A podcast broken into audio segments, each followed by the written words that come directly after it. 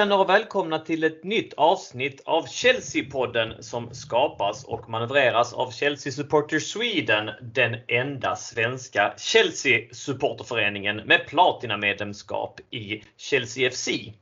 Eh, Daniel Johanno heter jag och jag kallas Donny, din blåa fyrverkeripjäs mitt i det nya Chelsea-året. Och det är jag som bryter in ännu en gång och snor podden tillfälligt när det är dags för ännu ett specialavsnitt. Och med mig har jag CSS-profilen och Chelsea-oraklet Oskar Karlström. Eh, och vi ska i detta format dyka ner i en säsong. Det är ett format som vi har spelat in några gånger tidigare Oskar, eller hur? Välkommen till podden för det första! Ja, men tack så mycket och god fortsättning. Vi sitter ju och spelar in här på nyårsdagen eh, Precis. 2024. Så en fin start på det nya året eh, för oss när vi ska blicka tillbaka till gamla år och gamla tider och många härliga Chelsea-minnen. Precis, det här eh, som vi nu avslöjar är alltså ett eh, When We Were Kings avsnitt när man alltså dyker ner i en given eh, säsong och formatet är koppat helt och hållet från succépodden When We Were Kings med Håkan Andreasson och Erik Niva. Och i denna tagning så är det alltså jag som iklär mig rollen som Håkan Andreasson och Oskar är min Erik Niva. Och sist vi gjorde detta så dök vi ner i säsongen 07-08 och det var ju en fin minnesvärd säsong som dessvärre slutade i moll. Det, det, är väl ingen underdrift att konstatera det. Och det var ganska exakt ett år sedan. Um, och vi sa en gång i tiden när vi började spela in de här avsnitten att vi skulle försöka ta dem lite så här kronolog kronologiskt. Så att dagen till ära har vi spolat fram lite, lite grann och hamnar i säsongen Oskar? 2009-2010. Precis. Och eh, eh, vi ska passa på redan så här i inledningen eh, nämna att vi i denna podd är mycket glada över att kunna tillhandahålla lite olika typer av avsnitt. Och standardavsnitten är mycket populära eh, och de ska givetvis tuffa vidare. Men ibland bryter vi in med lite olika format och, och just det här eh, When We Were Kings tema, det går lite utanför ramen så att säga. Och det här, alltså, detta är inget standardavsnitt. Det, det, det, kan bli djupt, det kan bli detaljerat, det kan också bli väldigt nördigt. Så känner man redan nu att nej fasen det är inte min kopp av te så är det såklart helt eh, okej okay att sluta lyssna. vi vill ändå varna lite grann eh, just för de detaljerna här inledningsvis. Eh, ehm, men, men vi vet ju också om att de har tagits emot väldigt bra när vi lägger ut dem på våra sociala medier och i trådar och får mycket beröm och så vidare. Så det finns en klick, jag skulle nog säga majoriteten ändå, som uppskattar de här avsnitten, eller hur Oskar? Ja men så är det ju. Eh, verkligen liksom gillar man Gillar man Chelsea och gillar man lite Chelsea-historia så tänker jag att det här är eh, härlig lyssning att få liksom, eh, ja, men även som lyssnare grotta ner sig, minnas tillbaka eller om man inte följde Chelsea på den tiden få bli lite utbildad i en, eh, en, av, en riktigt fin Chelsea-säsong som vi ska prata om. Då. Men då har vi väl gått igenom förutsättningarna lite Oskar. Det är början på det nya året. Det är ruggigt där ute och Chelsea går knackigt. Men var inte bättre då än att ta en promenad längs Memory Lane. Det här är alltså säsongen 09-10 och ni är hjärtligt välkomna att hänga med oss.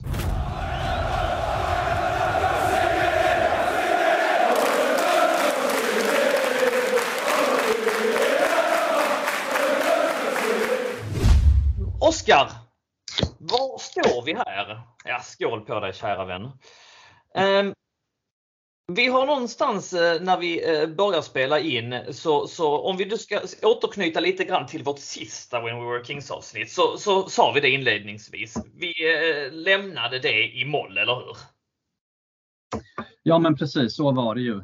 senast vi hade med oss lyssnarna i det här formatet så lämnade vi dem i den regniga Moskvanatten i maj 2008 med John Terrys tårar efter eh, förlusten i Champions League-finalen mot Man United. Eh, mm. Och nu är vi drygt ett år senare i tiden då när vi ska ta upp tråden här eh, sommaren 2009.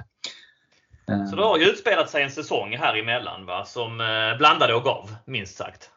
Ja men precis, säsongen 08-09 jag tänkte vi kan prata igenom den lite snabbt då, för det är inte den vi ska fokusera på, men för att ändå knyta ihop den röda tråden lite. Eh, vi fick in en ny tränare sommaren 2008, Luis Felipe Scolari. Eh, brassen som hade vunnit VM-guld med Brasilien. Eh, började väldigt lovande. Såg bra ut på hösten. Vi spelade fin fotboll, gjorde mycket mål, tog mycket poäng. men tappade allt under vintern. Vi slutade ju mål helt plötsligt. Försvaret började läcka. Vi hade framförallt problem på fasta situationer. Det var ett tag vi släppte in liksom hörnmål och frisparksmål varje match. Mm, mm. Eh, och det här ledde till slut till att Scolari också fick sparken eh, i början av februari efter 0-0 borta mot Hull. Eh, och då låg vi på fjärde plats, 10 poäng bakom Man United. Så jämfört med de senaste säsongerna nu när vi spelar in då, 2024 så kanske det inte var någon jättekatastrof att ligga på fjärde plats, 10 poäng bakom serieledaren. Eller? Nej precis, eh, tiderna har förändrats eh, onekligen. Så att eh, den hade man ju kanske tagit här där vi sitter idag. Men så var det. Ambitionerna var höga och Scolari lovade mycket. Det, det, startade väldigt bra men därefter så sket det sig successivt. Och vi fick en Hiddink där ju som började ta, liksom, gå tillbaka till basics och började ta 1-0 segrar och 2-1 segrar. Det var mycket uddamål och mycket täppa till liksom bakåt. Och kammade ju till och med hem fa Cup vinsten det året ju. Men precis, vi, under Gus Hiddings ledning där på våren förlorade vi bara en av 21 matcher. Eh, så ett väldigt fint facit och mm. eh, vi räddade en tredjeplats i ligan och slog mycket mm. riktigt Everton i fa finalen Som jag var på. Ja, fin, fin final ändå. Mycket. Mm -hmm. och framförallt under Hiddink där så hade vi en imponerande framfart i Champions League där vi först slog ut Juventus som på den eh, tiden var serieledare i Italien. Sen slog vi ut Liverpool som just då var serieledare i Premier League. Innan vi med små, små, små marginaler efter en domarskandal och Andres Iniestas sena seriemål mm. på Stamford Bridge föll i semifinalen mot den spanska serieledaren eh, FC Barcelona. Så var det så vi var ju väldigt, väldigt nära att ta oss till en Champions League-final eh, under Hiddink. Och eh, mycket riktigt efter, eh, eller i samband med säsongens sista match, eh, så sjöng hela Stamford Bridge Gus Hiddink We want you to stay. Han var ju väldigt populär mm. under den här korta tiden. Men han var bara inne på ett korttidskontrakt och han återvände till det ryska landslaget som han ju egentligen ledde på den här tiden. Så då han hade väl parallellt va också? Absolut, precis. Han körde lite parallellt och då är frågan om hur mycket Roman var inne och liksom styrde och ställde och såg till att vi fick till den här lösningen som ju var väldigt bra för oss. Mm. Men bara någon dag sådär efter eh, fa Cup-segern mot Everton så skulle man eh, presentera lite eh, liknande profil på tränarbänken, eller hur? I Chelseas fall. Ja, men ganska utseendemässigt lik också. Så här, grå, gråhårig gubbe. Eh, Precis, den 1 januari 2009 så presenterades eh, den då 49-årige Carlo Ancelotti eh, som ny tränare. Spontant så kändes han ju äldre än 49. Alltså ja. även om det är det här gråa håret och lite gubbmage och sådär. Men, ja. eh, så Hiddink var ju en bit över 60 och de kändes som jämngamla ungefär. ja, faktiskt. Men han kom ju med ett gediget CV och, och blev varvad med liksom buller och bång och, och eh, gjorde storstilad entré i eh, kostym. Och, eh, vad, vad, kände du där och då när eh, han blev presenterad?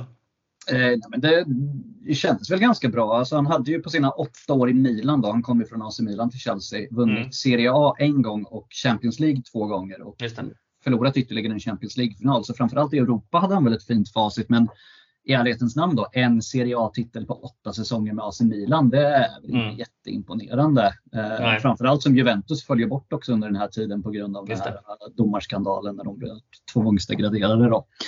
Eh, så man var väl inte helt övertygad. Eh, så Samtidigt så hade vi haft det turbulent med olika korttidslösningar och en Scolari som inte funkade. Så det, mm. eh, hoppfull var man ju ändå. Hade du någon Minns du vad du tänkte? När Nej, alltså, helt ärligt, jag har försökt tänka efter riktigt. Men jag minns inte riktigt vad mina spontana känslor var. Men eh, jag har för mig att det landade ungefär så att du sammanfattade ganska bra där och då. Att det hade varit rörigt, det hade varit liksom gung-ho fotboll och att man skulle ha liksom en stabil lösning. Eh, och så hade vi ju eh, haft eh, italienskt blod och som i Chelsea tidigare som hade gjort det bra. Va? Vi har alltid haft en eh, italienska anknytning eh, med eh, Vialli som var tränare en kort period, med Sola. Så att jag, jag ja men det här kan ju bli bra. Det är lite, lite den känslan liksom.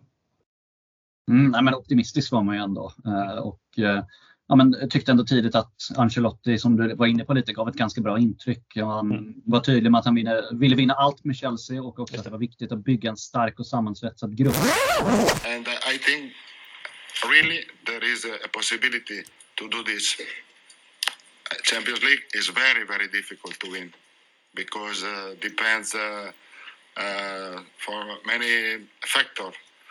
But uh, Chelsea, I think, have more possibility than other teams now. Som enligt honom då Scolari hade misslyckats med och mm. Eh, det kan ju mycket väl vara fallet. Vi, vi är ju inte i omklädningsrummet men det pratades ju just det där att Scolari hade tappat omklädningsrummet som det brukar heta och eh, det var ju Ancelotti väldigt mån om att han inte skulle göra. Eh, så. Sen så hade han ju lite, han hade ju en smart eh, lösning i, i staben så att säga där han då hade lite egna eh, Eh, Eh, han hade han här Demichelis som var hans eh, högra hand, men även då alltså Ray Wilkins och Paul Clement satt ju på bänken också. Som, det kändes ändå som att han hade liksom en fot i England där. Eh, huruvida det var hans lösning eller klubbens lösning eller en kompromiss, det vet jag inte riktigt. Men de var de facto där och det kändes också ganska bra, eller hur? Ja, men jag kan gilla det att de inte bara liksom tar in sitt eget team på 7-8 gubbar utan försöker behålla lite eh, några personer som har varit i klubben tidigare och ja, men, varit i engelsk fotboll och så vidare. Och det, eh, ja, men det, det vart nog lyckat. Eh, och just Ray Wilkins var ju en figur som var väldigt populär bland supportrarna också. Sånt kan ju underlätta att ha en, eh, en sån person i ledarstaben av de anledningarna också eh, såklart. Så är det. där och då så skulle det ju varvas lite grann också om vi får dyka in i silly season. Ska vi det? Ja, men det ska vi göra och vi behöver inte dyka så djupt för det här är ändå en av de lugnare transfersomrarna mm. eh, som vi har haft eh, mm. faktiskt. Ehm, eh, vi hade ju ändå liksom en på många sätt ganska bra säsong i ryggen och ja, men vi hade varit nära att gå vinna Champions League två år i rad och sådär. Så, så vi, vi, hade ju ett bra lag och en bra trupp och eh, tyckte väl därför inte att vi behövde värva så himla mycket. Eh, det största ryktet som förekom under sommaren det var ju egentligen om en eh, ganska överraskande flytt från Chelsea som jag faktiskt har, jag har glömt bort. Alltså när, jag, när jag läste mm. på lite här kom jag ihåg att just det, det här var ju en grej. Men, mm. men det hade man liksom förträngt och det var ju att det ryktades väldigt intensivt om mm. att John Terry skulle gå till Manchester City den här mm. sommaren. Vad minns du av det? Nej, men det, jag minns det rätt, eh, rätt eh, tydligt faktiskt. Jag var, spenderade mina somrar i Grekland där och jag kommer ihåg att man följde det på det sättet som man kunde följa grejer då, var utan Twitter och utan eh, sociala medier utan man fick följa det äh, tabloiderna. Men då blev han ju mycket riktigt eh, kvar och eh, eh, han har väl pratat om det i efterhand att det ändå fanns ett eh, intresse och att han övervägde det. Um, och det alltså, man måste, måste ju förstå det lite grann också. Han var väl där, var 29 år kan han ha varit det? Alltså han var ju ändå så att han eh, närmade sig mer slutet av sin karriär än, än äh, början av den och han kanske skulle liksom överväga att ta en sista ja, nytt äventyr eh, och så vidare. Men eh, han har ju sagt att så fort han började liksom tänka eh, ordentligt på det så var det glasklart att han ville stanna och det gillar man ju. Ja, absolut. Nej, och visst, det är väl inte konstigt att sånt här uppstår. Liksom. Det var ju även Frank Lampard ryktades ju vara på väg bort om det var sommaren innan eller sommaren efter mm. på ett, ett ganska intensivt sätt. Och, mm. ja, men vi har ju sett liksom, Steven Gerrard till Chelsea var ju en följetong under en viss tid eh, och så. Mm. Eh, så. Men han fick ju en del kritik just för att han hade öppnat upp för en annan klubb och att många såg det som att det kanske bara var ett sätt att höja den redan skyhöga lönen. Och, ja. Ja, vem vet, han blev kvar i varje fall och eh, det är vi glada för. För det var ju många fina säsonger med Terry även efter 2009 kan ju eh, passa på att eh, rekommendera John Obi Mikkels podcast där han faktiskt går igenom detta lite grann. Eh, John Terry. Så att eh, om man vill lyssna mer poddcontent så hänvisar vi er ditåt där man, eh, han, han adresserar just det här hur nära han var och så vidare. Eh, så är det. Men eh, rent spelarmässigt då, eh, några nyförvärv fick vi allt in, eller hur Oskar? Ja men precis, dock inte jätteprofilstarka. Vi plockade ju in ryssen Juri Shirkov, den unga engelsmannen Daniel Sturridge och serben Nemanja Matic. Och, ja, men några av de här skulle göra visst avtryck i Chelsea, men det var ju först några år senare egentligen. Den, just den här säsongen så är det ju egentligen ingen av de här som åstadkommer jättemycket. Nej i Chelsea. Nej, nej så är det. Eh, lite försäljningar också, eller hur? Ja men precis, vi gjorde oss av med några spelare som faktiskt hade varit utlånade eh, den föregående säsongen. Pizarro och Shevchenko såldes exempelvis. Men i övrigt var det bara yngre spelare in och yngre spelare ut. Så mm. liksom en eventuell startelva och så rördes ju knappt alls utan det var väldigt likt föregående säsongstrupp. Mm, mm. Och det här var ju några år efter eh, övertagandet av Roman Abramovic och eh, man spenderade rätt mycket de första fönstren här. Men sen så glömmer vi bort att några fönster där så, så var vi faktiskt eh, väldigt lugna på transfermarknaden. Vi hade en stomme som någonstans var, var trygga i och det är klart att det fanns de som skrek på varvningar och i synnerhet när det gick eh, sämre. Det är ju tre år sedan när vi eh, är här i den här säsongen som vi vann ligan sist så att man ville ju såklart fräscha upp. Men det skulle komma att eh, gå bra ändå. Eh, innan säsongen drog igång så skulle man ju på en försäsongsturné också, eller hur? Ska vi bara ta den lite snabbt? USA var det som stod på agendan. Ja, men en ganska liksom, standardturné. Så vi var mötte Milan, Inter, Club America och Seattle mm. Sounders eh, borta i USA och sen en, eh, ett genrep hemma eh, i England mot Reading som slutade 2-2. Mm. Eh, så egentligen inget särskilt att rapportera därifrån utan det var, mm. det var dags att börja spela riktig fotboll. Och innan vi går in i, i truppen och djupdyker. Förväntningarna här var väl ändå att man var eh, man skulle konkurrera om titeln, eller hur Oskar? Ja men så var det. Som, som du nämnde nyss så hade vi inte vunnit någon Premier League-titel på tre år då Man United hade tagit tre raka. Och eh, framförallt eh, de två första av de tre åren, då, 2007 och 2008, hade vi varit nära och varit främsta utmanare. Eh, säsongen eh, som vi precis hade gått igenom innan den här sommaren, då, då var det faktiskt Liverpool som kom tvåa i ligan och vi slutade trea. Då. Eh, men vi kände ju ändå att liksom det, ja, vi har varit där och nosat i tre år och nu, nu är det dags att vinna den igen. Eh, mm. Samtidigt som vi fortfarande suktade efter Champions League-titeln. Vi hade ju en finalförlust och fyra semifinalförluster de senaste sex åren.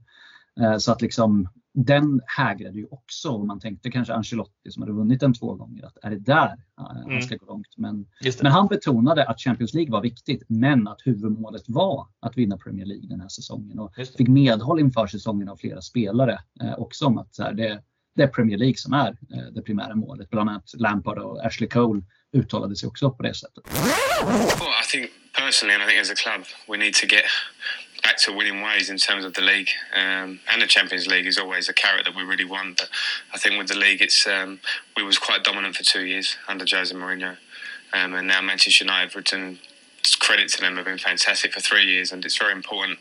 I think we there's a real feeling between the players, and obviously the expectations at Chelsea now are so high that uh, to win the FA Cup was great. We enjoyed that moment, but um, this year we want to go that step further. We need consistency in the league.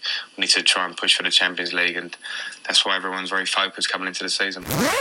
Jag tror man försökte tona ner det lite grann. Va? Man hade varit så snubblande nära med Champions League och försöka liksom ta bort pressen lite grann. För att jag tror att man varvade in honom också för att uh, man hade ögonen på, på eh, Champions League. Um, så skulle det inte uh, komma att bli dock. Men uh, att vi skulle vara där och nosa, att vi skulle konkurrera och att vi skulle liksom eh, eh vara ett av ligans bästa lag och kanske ett av världens bästa lag också. Ja men det, det, det, det stod ändå klart alltså. Det tycker jag. Eh, United då, alltså vår största konkurrent, lite försvagade va? För det här är säsongen då man tappade Cristiano Ronaldo, eller hur? Ja men det stämmer. Han stack ju till Madrid och han hade ju varit en väldigt tongivande spelare för dem. Liksom. Ja. På något sätt kändes det som att hade inte han spelat där de föregående säsongerna, men då hade vi säkert vunnit ligan åtminstone ja. två av de tre åren. Så det, det var ju en klar fördel för oss att de blev av med honom. Sen skulle mm. ju de komma och göra en stark säsong ändå. De tappade även Carlos Tevez till Manchester City, så de såg ju sårbara ut eh, så här mm. på förhand. Nej, fortfarande ett jävligt bra lag om man kollar eh, Uniteds trupp lite snabbt där med liksom eh, eh Van der Sar, Ferdinand, Evra, Nani, Rooney, Giggs. Alltså ing, inget dåligt eh, lag utan samspelta, som sagt vunnit ligan tre år i rad. Det, det skulle bli eh, en utmaning att ta sig an dem. Men det var, det var väl egentligen Chelsea och United som det pratades om, eller hur? Ja, Liverpool hade ju kommit tvåa förra året som sagt, men redan här började man prata om att amen, är det här det mesta eh, som Benitez kan få ur sitt mm. Liverpool? Mm. Eh, och det skulle ju visa sig vara att de skulle ju ha ett par svaga säsonger efter det här. Så, nej men visst, eh, som så, det så ofta var på den här tiden så var det ju Chelsea och Man United som, som skulle göra upp om Premier League-titeln. Men det tycker jag att vi går igenom eh, vad det var för typ av trupp som skulle ställa sig där ute och eh, spela först och främst Community Shield innan säsongen skulle dra igång. Vad har vi för Chelsea-lag år 2009? Ja, men som sagt, det har inte hänt så jättemycket på transfermarknaden de senaste somrarna här, så det är ganska likt eh, det vi hade senast vi gjorde ett sånt här avsnitt då, två säsonger tidigare. Men mm. i mål är det ju såklart Peter Käck. Hade återhämtat sig bra från huvudskadan hade ett par år tidigare och ja, men började liksom närma sig toppen av sin karriär och kunde ju göra anspråk på att vara den bästa målvakten i, i världen vid den här tidpunkten. Absolut. Och så hade vi eh, Hilario och Ross Turnbull som kommer att få göra några matcher också, eller hur? Ja men precis, det blev ju faktiskt så, eh, vilket det tyvärr ofta var med Peter Cech, att han, han fick ett par skador per säsong och missade mm. några matcher och då hade vi två stycken, eh, det var väl inte jättetydligt vem som var andra målvakt här utan mm. båda förekom ju ett antal matcher och mm. ingen av dem briljerade väl när de fick chansen då, Ross Turnbull och Hilario, men de, de, de fanns där och gjorde sina minuter båda två. Mm. Sant. Men eh, eh, stabilt ändå på målvaktsfronten. Backlinjen då? Ja, um, vi hade fått in en ny högerback föregående säsong, José Bosingva från Porto. Uh, han skulle dock vara skadad väldigt mycket den här säsongen och spelade bara nio matcher. Uh, så allt som oftast hittade vi antingen Paulo Ferreira eller framförallt Branislav Ivanovic mm. ute på högerbacken. Uh, Ivanovic var ju egentligen en mittback men i och med den här skadan på Bosingva så fick han spela mer och mer ute till höger i backlinjen som han också eh, gjorde sig bättre i den rollen faktiskt. ja men över tid så skulle det bli hans position men, ja. Men när han kom till Chelsea var han ju en solklar mittback. Eh, Absolut. Mm. Och vänsterkanten? Eh, vänsterkanten hade vi ju Ashley Cole. Eh, ja, men kanske liksom åtminstone ligans bästa vänsterback. Eller ja, Patrice Evra var ett vass i United också på den här tiden. Men eh, han var väl nummer två, eller möjligen nummer ett då. Eh, ja, men en fantastisk spelare för oss som gör en jättebra säsong. Är inblandad väldigt mycket offensivt den här säsongen. Gör en hel del mål och bidrar med assist och så vidare och kommer verkligen till sin rätt. så. Ja. Eh, han var ju den fantastisk som säsong hade han. verkligen spelade oftast. Eh, ja, men han missade lite matcher och eh, då försöker jag dra mig till minne, vem gick ut där? Var det Ivanovic också som Nej. tog vänsterbacken? Juri Kyrka, ja men just det, där hade vi honom såklart. Eh, som vi värvade in. Just det, ja, han fick ändå en del Han gjorde några minuter, ja, ja. Absolut. Mm. Han deltog i 27 matcher under säsongen ändå. Så det var väl bra att vi ändå fick in en, en duglig spelare på vänsterkanten när Cole eh, var borta med sina skador. Riktigt. Uh, var ytterbackarna nämnda där? Det var ytterbackarna, men mittbackarna däremot. Ja men du, Belletti, sa vi honom? Nej det sa vi inte. Nej. Nu är jag snabb här. Ja. Just det, Giuliano Belletti hade också kommit in någon säsong tidigare. En bra skådplayer som eh, oftast var högerback men även spelade en del på mittfältet. Eh, och också gjorde eh, ett antal minuter den här säsongen och var högst bidragande. Mm. Klumpig lite den här säsongen också eh, faktiskt. Kunde man säga att han var mycket oslipad. Kunde göra mm. bra matcher och, men mycket högt och lågt på den spelaren.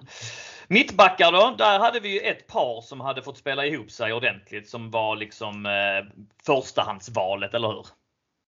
Ja men så var det ju. John Terry och Ricardo Carvalho hade ju bildat det säkraste mittbackslåset i ligan eh, under flera säsonger i rad nu och var ju ja, men väldigt etablerade tillsammans. Eh, däremot så började ju ja, men framförallt Carvalho då bli lite till åren, hade passerat 30-strecket, började tappa lite tempo och sådär och eh, var inte riktigt lika självskriven bredvid Terry som han hade varit tidigare utan det var ju uppstickaren brassen Alex som vi hade hämtat in eh, något år tidigare efter att eh, vi hade skickat iväg honom på lån i Holland under några säsonger. hade han kommit tillbaka och eh, skulle spela en ganska stor roll eh, den här säsongen och gjorde många matcher eh, bredvid John Terry. Men det är de tre som figurerar mest. Vi hade lite ynglingar också va? men alltså mycket fetare än så var inte vår backlinje. Nej, men, men ändå högklassig. Liksom, som Absolut. just de där tre mittbackarna vi har. Där mm. även släng, slänger vi in Ivanovic som en fjärde ja. mittbacksalternativ så ja, är det ju liksom fyra av absolut högsta Premier League-klass som hade varit startspelare i ja, men liksom mm. 17-18 av de 20 Premier League-lagen. Så är det ju. Så är det ju. Jag tänker om man jämför med dagens trupp när vi har typ åtta mittbackar så är det ju liksom inte det, det, var tunnare på den tiden. Så är det. Ja, men hur många av de där åtta är bättre än de här? Alltså nej, nej, man, nej. Så är det ju. Det är knappt någon liksom, nej, nej. Eh, skulle jag säga. Vi eh, går upp eh, ett knapphål, mittfältet. Ja, ehm, där hade vi ju tidigare haft Claude Makelele som defensiv mittfältare, men han var inte längre kvar i Chelsea. Han hade blivit för gammal och gått vidare i sin karriär. Eh, så där var det lite, lite olika lösningar vi använde oss av den här säsongen. En som gjorde ganska många minuter som lite mer defensiv mittfältare var Jon-Obi Mikkel. Honom har vi varit inne på tidigare.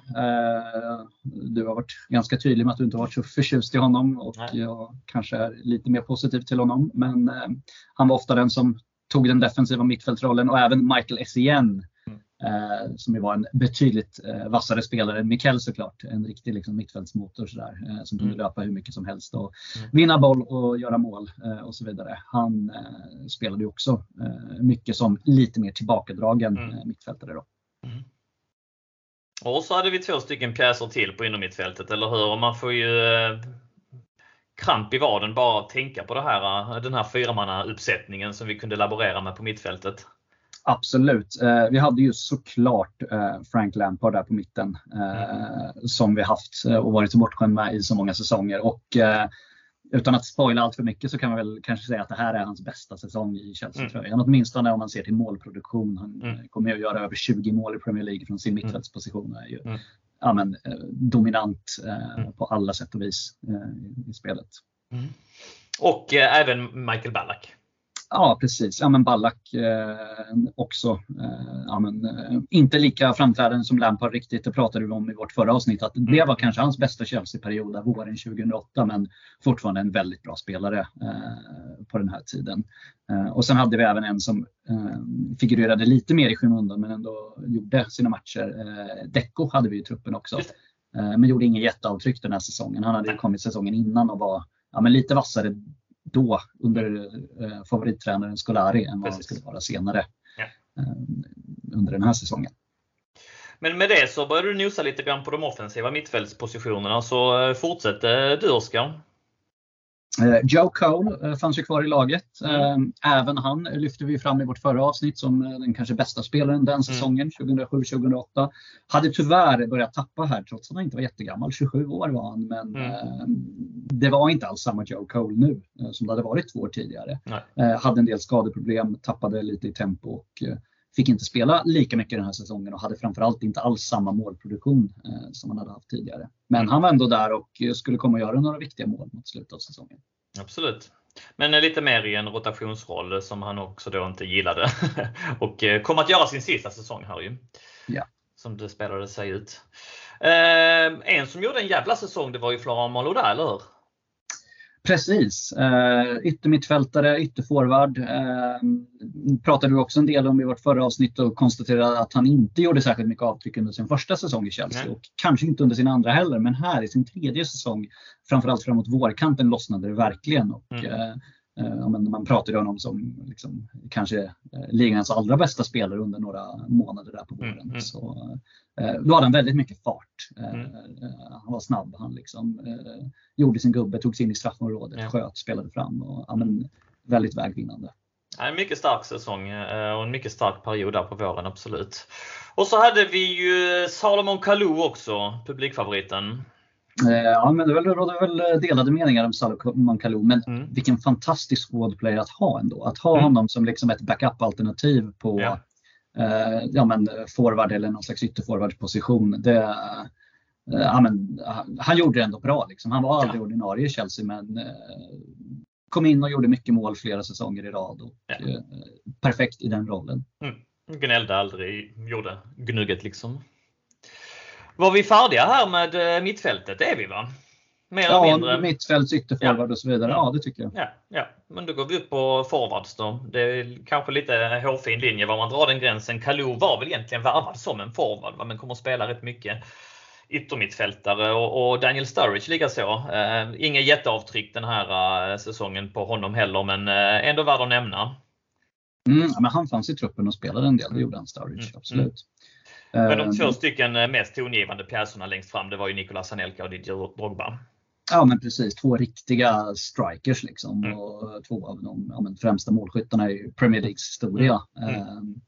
Eh, hade haft lite svårt att hitta varandra tidigare men, men mm. skulle hitta varandra lite bättre den här säsongen och liksom mm. få till ett bra samarbete där ju Drogba fick agera liksom eh, centralforward, spjutspets. Eh, så Anelka hade en lite mer tillbakadragen roll eller lite ut på kanten och mm. var, var, lite mer framspelare. Då. Men, mm. ja, men två riktiga världsklassforwards där framförallt mm. Drogba eh, skulle komma att göra sin allra bästa säsong i Chelsea-tröjan eh, den här säsongen. Absolut. Och här laborerade man ju också. Ancelotti spelade ju lite med eh, två anfallare i någon form av 4-4-2 men han spelade ju också 4-3-3 och då fick ju Anelka petas ut på en kant rätt så ofta för då var det ju Drogba som fick äh, agera ankare så att säga, äh, spjutspets.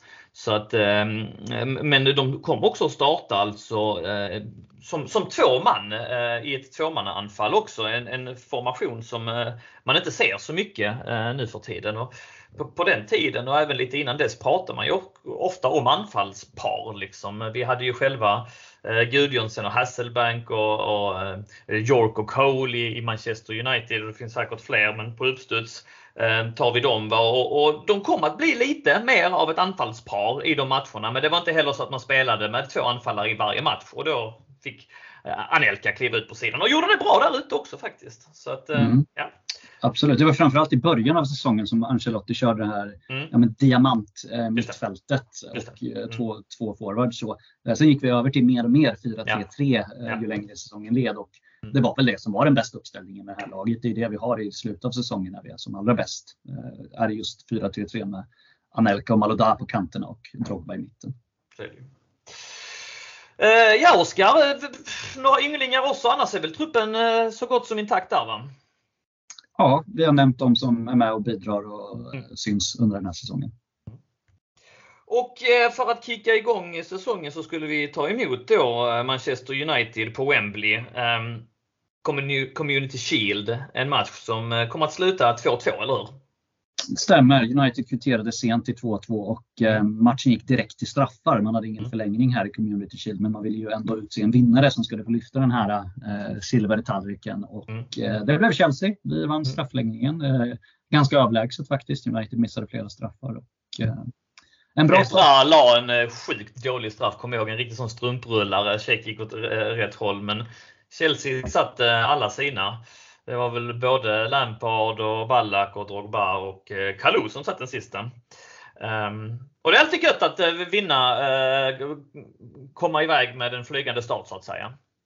Ja, det var ju ändå ett test mot liksom det bästa eh, laget i landet och liksom den största utmanaren om titeln och att vi ja, men ändå slog dem på straffar och var, eh, så som jag minns det, liksom bättre under ordinarie tid också. Det, det är ändå ett styrkebesked.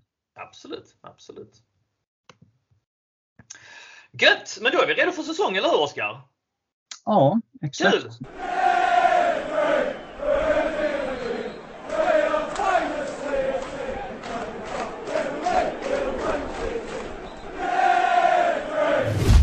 Där så står ju Hull på eh, lotten när, när eh, första Premier League-sparken ska sparkas igång på hemmaplan, eller hur? Jajamän, eh, och det ska man väl eh, kunna tänka sig en ganska enkel motståndare som vi bara ska städa av. Men eh, det gör vi inte riktigt i den här matchen. Utan det, vi övertygar inte riktigt och det är tajt. Mm. Det är verkligen tajt alltså. Och det här är ju så mycket fotbollspsykologi som jag alltid har med mig. Kommer man iväg med de här vinsterna med ett mål i, i slutet så tror jag att det kan sätta agendan för hela säsongen. Och det gjorde vi den här gången. Mm, det är ju Drogba som kliver fram i säsongens första match och liksom direkt visar vilken tongivande spelare han kommer vara den här säsongen. Han gör ju först eh, vårt första mål på frispark, en ganska fin frispark från långt håll. Men eh, han kvitterar väl genom, är det inte Steven Hunt också som gör det? Jo det är det, ja det stämmer. Spelaren som på den tiden spelade i Reading och skallade Peter Cech, eller knäade Peter Cech i skallen då. Just det. Uh, och vi ser ju verkligen ut att gå mot uh, ett 1 resultat, vilket hade varit ett fiasko. Uh, mm. Men så på stopptid så dyker han upp där, Didier Drogba, och slår han ett inlägg eller skjuter han ett skott? Vad tror du? Nej, men han, eh, han adresserar väl det på en intervju eh, senare också. Att han säger att nej, nej, han ville bara få in bollen. Liksom. Så att eh, först så säger han att oh, det var meningen. Men sen så nej, nej, ja, nej. Det, det, var lite tur inblandat. Så att eh, det är nog något eh, sånt där eh, mellanting när man bara försöker skicka in bollen. Ungefär som Mihailo Mudrik har gjort den här säsongen också mot Arsenal. Eh, när den ska in liksom och så går den i en båge över målvakten. Det ser ju rätt snyggt ut men det är nog en hel del flax involverat i det. Mm, ja men verkligen. Men oerhört förlösande att eh, mm. på stopptid få det 2-1 målet. Och oavsett om man menade det eller inte så var det ändå ett faktum att de Drogbas två mål här, de, de gjorde att vi ändå fick en flygande start. Verkligen, verkligen. Och eh, det kom ju att bli en väldigt bra inledning på den här eh, säsongen, eller hur Oskar? Ja, men vi radar faktiskt upp segrarna här i början. Förvisso mot eh, ganska eh, svagt motstånd om man vill säga så. Eh, bland annat tar vi en 2-0-seger i lokalderbyt borta mot Fulham. Eh, där just Nicolas Anelka och Didier Drogba gör ett varsitt mål och också assisterar varann. Mm. Eh, så då var vi inne, ja men det här du var inne på tidigare, att ja, men, mm. de funkade också som anfallspar. Och här ja. Eh, tänkte man ju verkligen att ja, men, shit, har vi hittat det här nya ja. Hasselbank Gudjonsen eh, ja. liknande? Ja. Eh, och riktigt så blev det ju inte, men, eh, men de hade ändå ett fint samarbete den här säsongen och de hyllades verkligen efter Ancelotti efter den här matchen, just Drogba och Anelka, hur de hade samarbetat ute på plan. De målen är ju rätt så, alltså framspelningen är väldigt snarlika varandra där det blir liksom en genomskärare som den andra kommer på. Så att ja, där tänkte man, oh det här, jäklar, det här blir bra. Och det blev det också, men kanske inte så att de blev liksom nästa radarpar på det sättet. Men en vinst noterades i alla fall och då hade man ju inlett med tre stycken raka vinster. Och eh, fortsatte gå bra, eller hur? Precis. Eh, när eh, första månaden augusti summerades hade vi fyra raka vinster i Premier League. Men då slog ju en bomb ner från Fifa och det här var också en grej som jag kände, oj det här hade jag nästan glömt bort. Men det var ju en jättegrej på den ja. tiden. Vad, Ska du berätta vad det var som hände? Ja men man fick väl ett varvningsförbud, eller hur? Eh, på grund av att man hade på något sätt eh, med otillåtna medel övertalat en eh, spelare som inte eh, var i rätt ålder att eh, joina eh, klubben, eller hur? Och det var ju eh, en meningslös spelare som kom att få en ganska så dålig Chelsea-karriär och inte en helt bra karriär. Söndersliten av skador förvisso, men Gael Kakuta.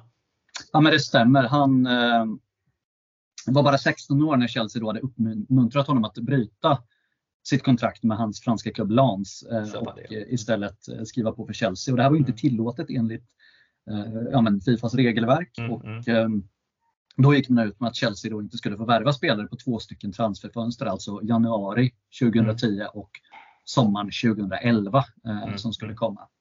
Eh, och Chelsea meddelade direkt att det här kommer man överklaga. Mm. Eh, men eh, vad tänkte du när det här kom? Det här var ju nytt. Liksom. Det hade man ju aldrig mm. hört om. Nej, nej precis. Nej, men att det, det var ju allvarligt liksom. Såklart. Mm. Och jag tänkte att januarifönstret där kanske inte spelar så stor roll. Vi har en ganska stark trupp. Men sommaren efter känner man att men, mm. då kanske vi behöver värva något. För, ja. Framförallt som vi hade nämnt tidigare så hade vi inte värvat så mycket den föregående sommaren och inte åren innan heller riktigt. Mm. Eh, så att det kändes som att några av spelarna började också bli eh, en mm. bit över 30 och vi skulle snart behöva göra någon Precis. form av generationsväxling och mm. skulle vi då inte tillåtas det? Och, och, på den här tiden hade vi inte samma flora av utlånade spelare som vi kunde ta av, eh, vilket vi gjorde vid ett senare transferförbud tio år senare. Eh, mm. Så. så här lite småpanik eh, var det ju nästan. Absolut. Men det kommer att reduceras va? Eh, ja, men det kommer att reduceras. Det visste vi inte då, men senare under säsongen så visade det sig att ja, men först skulle det liksom stopp, alltså upphävas, att det, eller skjutas på något sätt. Mm. Vi fick någon slags anstånd. Och sen efter det så visade sig bara att eh, den här idrottens skiljedomstol CAS gick in och sa att nej men så här Fifa får ni inte göra. Och eh, så kunde vi värva spelare eh, ja. som planerat. Men där och då var det ju en, en, en stor grej. Var det.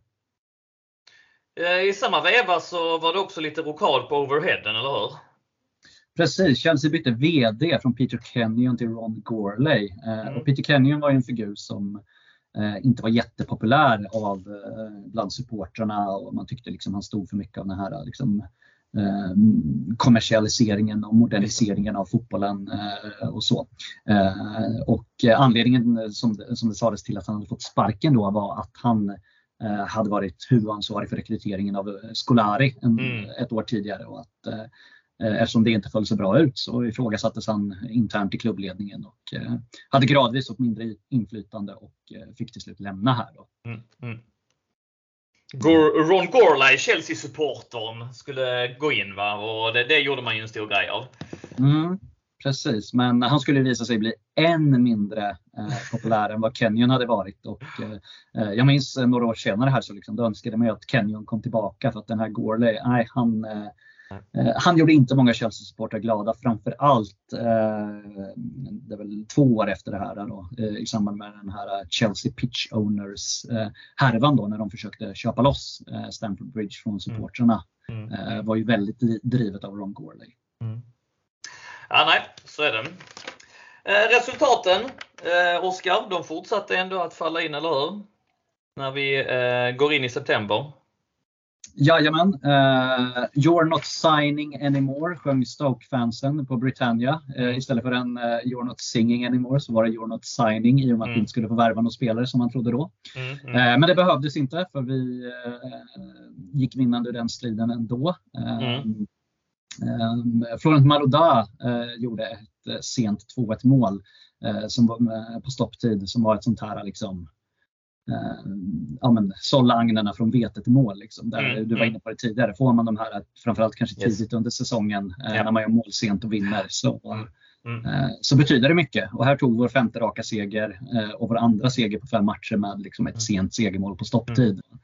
Um, nej, kanske inte... situation, han bara pangar in den. Jag kommer ihåg det jättetydligt och euforin efteråt. Ja. Belletti high towards Drogba, out by Huth again. Michael Essien, Anelka, Maluda, he scored! Florent Maluda has won this game for Chelsea! Ja, men jag stod på bortasektionen bakom målet där också. Ja, det var, alltså, den var ja, riktigt fint alltså. Var det. Fantastiskt. Ja. Nej, det är exakt så det är. Va? Och när man får med sig dem så har man vind i seglet och det kan stärka en trupp alltså något oerhört. Och så skulle vi spela lite Champions League och så sen så skulle vi eh, möta Tottenham, eller hur? I ett London-derby hemma. Precis, det var väl den första matchen vi hade omgång 6 här och som var mot ett mm. lite mer kvalificerat motstånd. Mm. Uh, och vi mötte ett ganska starkt Tottenham här. De börjar liksom få ordning på sina grejer här efter ganska mm. mm. många år av ökenvandring. Uh, och det är en jämn match, chanser åt båda håll, men vi går ändå iväg till en uh, eh, 3-0-seger i den här matchen. och då har vi sex segrar på sex omgångar och leder mm. serien tre poäng före Man United. Så där och då så såg det ju väldigt fint ut. Ashley Cole eh, nickade in ett eh, Drogba-inlägg. Eh, Ballack petade in efter en rörig situation och Drogba gör den här “He's gonna walk it in, he's gonna walk it in” ja, men det, kommentatorn. Lite så här, samma vibbar som Cole Palmers mål här. Ja. Liksom där att man ja, ja. rundar målvakten. Och, ja. Men det var Cudicini i mål har jag för mig va? Det var Cudicini i mål för, för Tottenham, stämmer. Mm. Mm. Så är det. Sen ska vi eh, spela rugby i Wigan.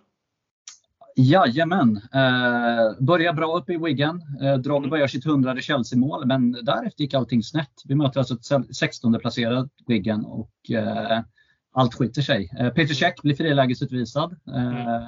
och Wigan gör tre mål eh, och vinner den här matchen med 3-1. Mm. En hård utvisning där faktiskt. Han är på väg från målet tycker jag. Men eh, det är så, och den är ju jäkligt, när man ser de här eh, recapsen och säsongssummeringarna eh, så ser man att fotbollen ändå har den regeln var dum med de här dubbla bestraffningarna. För det hade bara blivit ett gult kort max. Men där och då så är ju matchen slut när man får en straff och rött kort på målvakten. Och det blir så jäkla eh, svårt att eh, hämta sig när man blir dubbelbestraffad på det sättet. Så att det, det, det, tycker jag man har gjort bra att man har tagit bort den regeln. Men eh, säsongens första förlust eh, noterades vi för där alltså. En, en ganska dålig prestation och eh, man fick eh, en liten käftsmäll ändå. Men eh, sen samtidigt så när man kollar på resultatraden så hade vi spelat sju matcher och eh, sex noterats för sex vinster här inledningsvis och, och då eh, 18 poäng. Så att så hur, hur illa var det? Liksom? Nej, det var väl inte jätteilla, men det var väl just att liksom, ja, vi, vi förlorade mot Wigan, då, ett, ett bottenlag, och det, det hade de inte riktigt räknat med. Och, eh, I omgången efter var det väl lite upp till bevisen då. Mm. Eh, för, för om det var någon liksom, kritik vi hade fått så var det att vi hade haft ett ganska enkelt spelschema eh, mm. dittills. Eh, och, men nu skulle Liverpool komma på besök. Och Liverpool som hade varit det stora utropstecknet säsongen efter och som kanske kunde vara med och utmana den här säsungen också. Absolut. Och vi Men om vi håller, första... håller lite grann ja. då så vill jag bara ja. säga ifall du minns elvan här så kan vi gå igenom en egen startuppställning. Det har vi gjort vid lite tidigare tillfällen. I mål? Mm. Ja, men I mål var det ju Hilario här för att Check var ju avstängd från den här utvisningen. Just det. Eh, och sen då, ja, eh, det är ju svårt att säga men eh, hade Bosingva gått sönder redan här? Eh, jag chansar på att det var Ivanovic till höger i backlinjen. Det var det. Mm. Eh, och eh, Terry borde ha spelat för han spelade nästan varje match den här säsongen. Yes. Sen är frågan om Carvalho var hel eller om Alex hade fått chansen. Men jag säger Carvalho. Säger jag. Mm, det var han.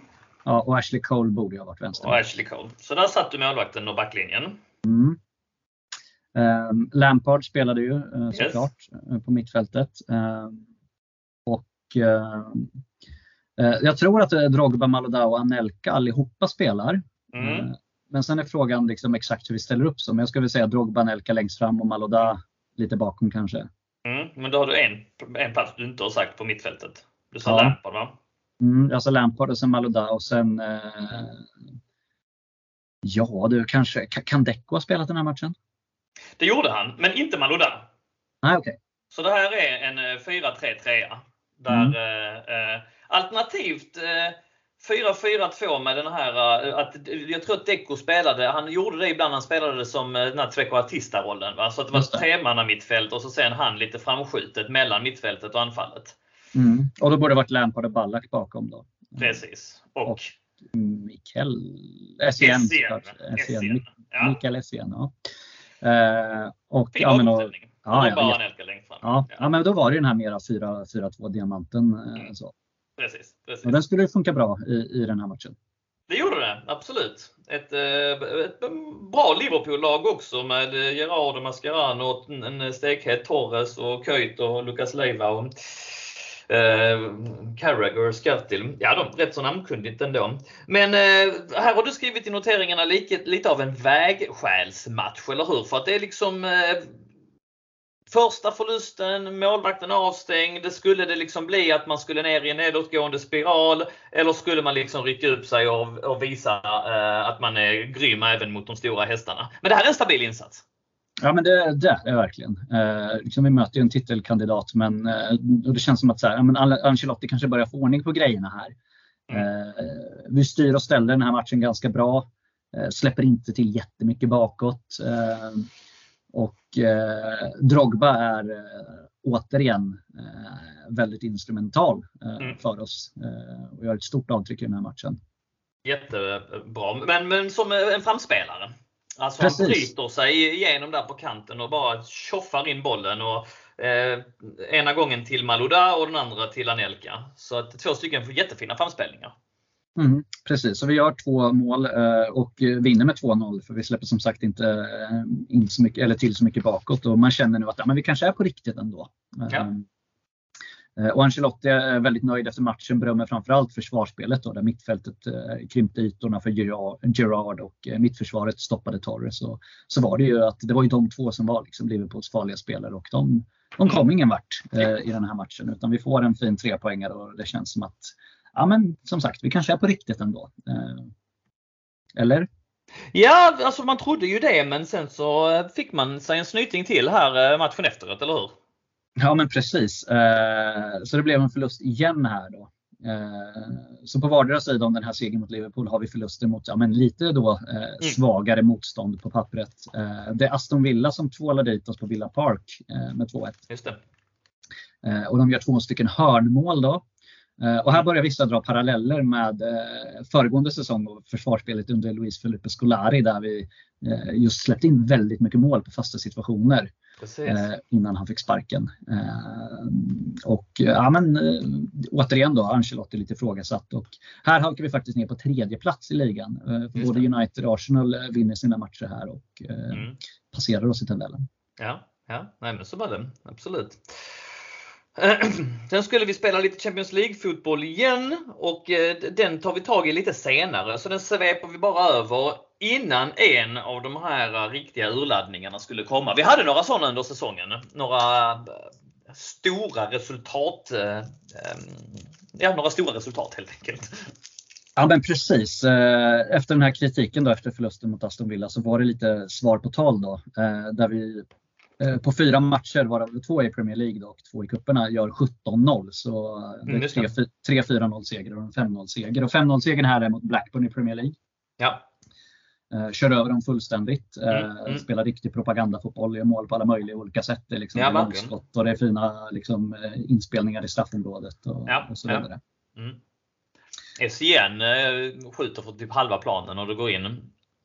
Exakt. Ja. Jo, men det målet minns man. Eh, Ja. och Efter den här matchen då uppstod det rykten om att Chelsea-spelare kunde ha smittats av svininfluensan. För det var ju en grej på den tiden. Den kanske är ganska bortglömd då, eh, med tanke på liknande eh, sjukdomar Ja. som förekommit senare. Då. Eh, för Ja. att det hade upptäckts i Blackburns lag. Eh. Men det visade sig att inga Chelsea-spelare åkte på det här. Då. Men vad visste vi om pandemier på den här tiden? Inte särskilt mycket. Så Nej. vi skulle ju få veta mer sen. Men jag minns att det var en snackis. Ja, just det höll på att bubbla där ja. Mm. Sen skulle vi möta Bolton två gånger.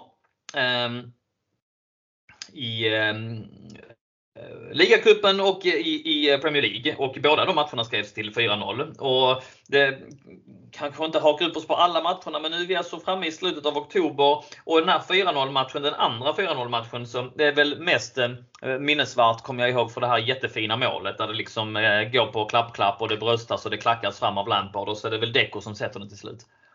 Ja, det är väl Drogba som... Det, Nej, just det. Ja, Deco bröstar fram den till Lampard som klackar den till Drogba som? Placerar in ett volleyskott från nära håll. Så, men ett riktigt sånt här, det flyter på ett snöre och ser ut som att de aldrig har gjort annat än att liksom, eh, latcha med bollen tillsammans. Ja, ja, Mycket fint mål. just det. Precis. Och eh, sen skulle det stora styrkeprovet eh, stå för dörren, eller hur? Jajamän, eh, vi var nu inne i eh, november och eh, vi hade återtagit serieledningen efter de här segrarna vi hade tagit. Och eh, det var ju den hetaste matchen hittills mellan de två största titelkandidaterna. Eh, vi var två poäng före Man United in i den här matchen när eh, de kom på besök på Stamford Bridge. Just det.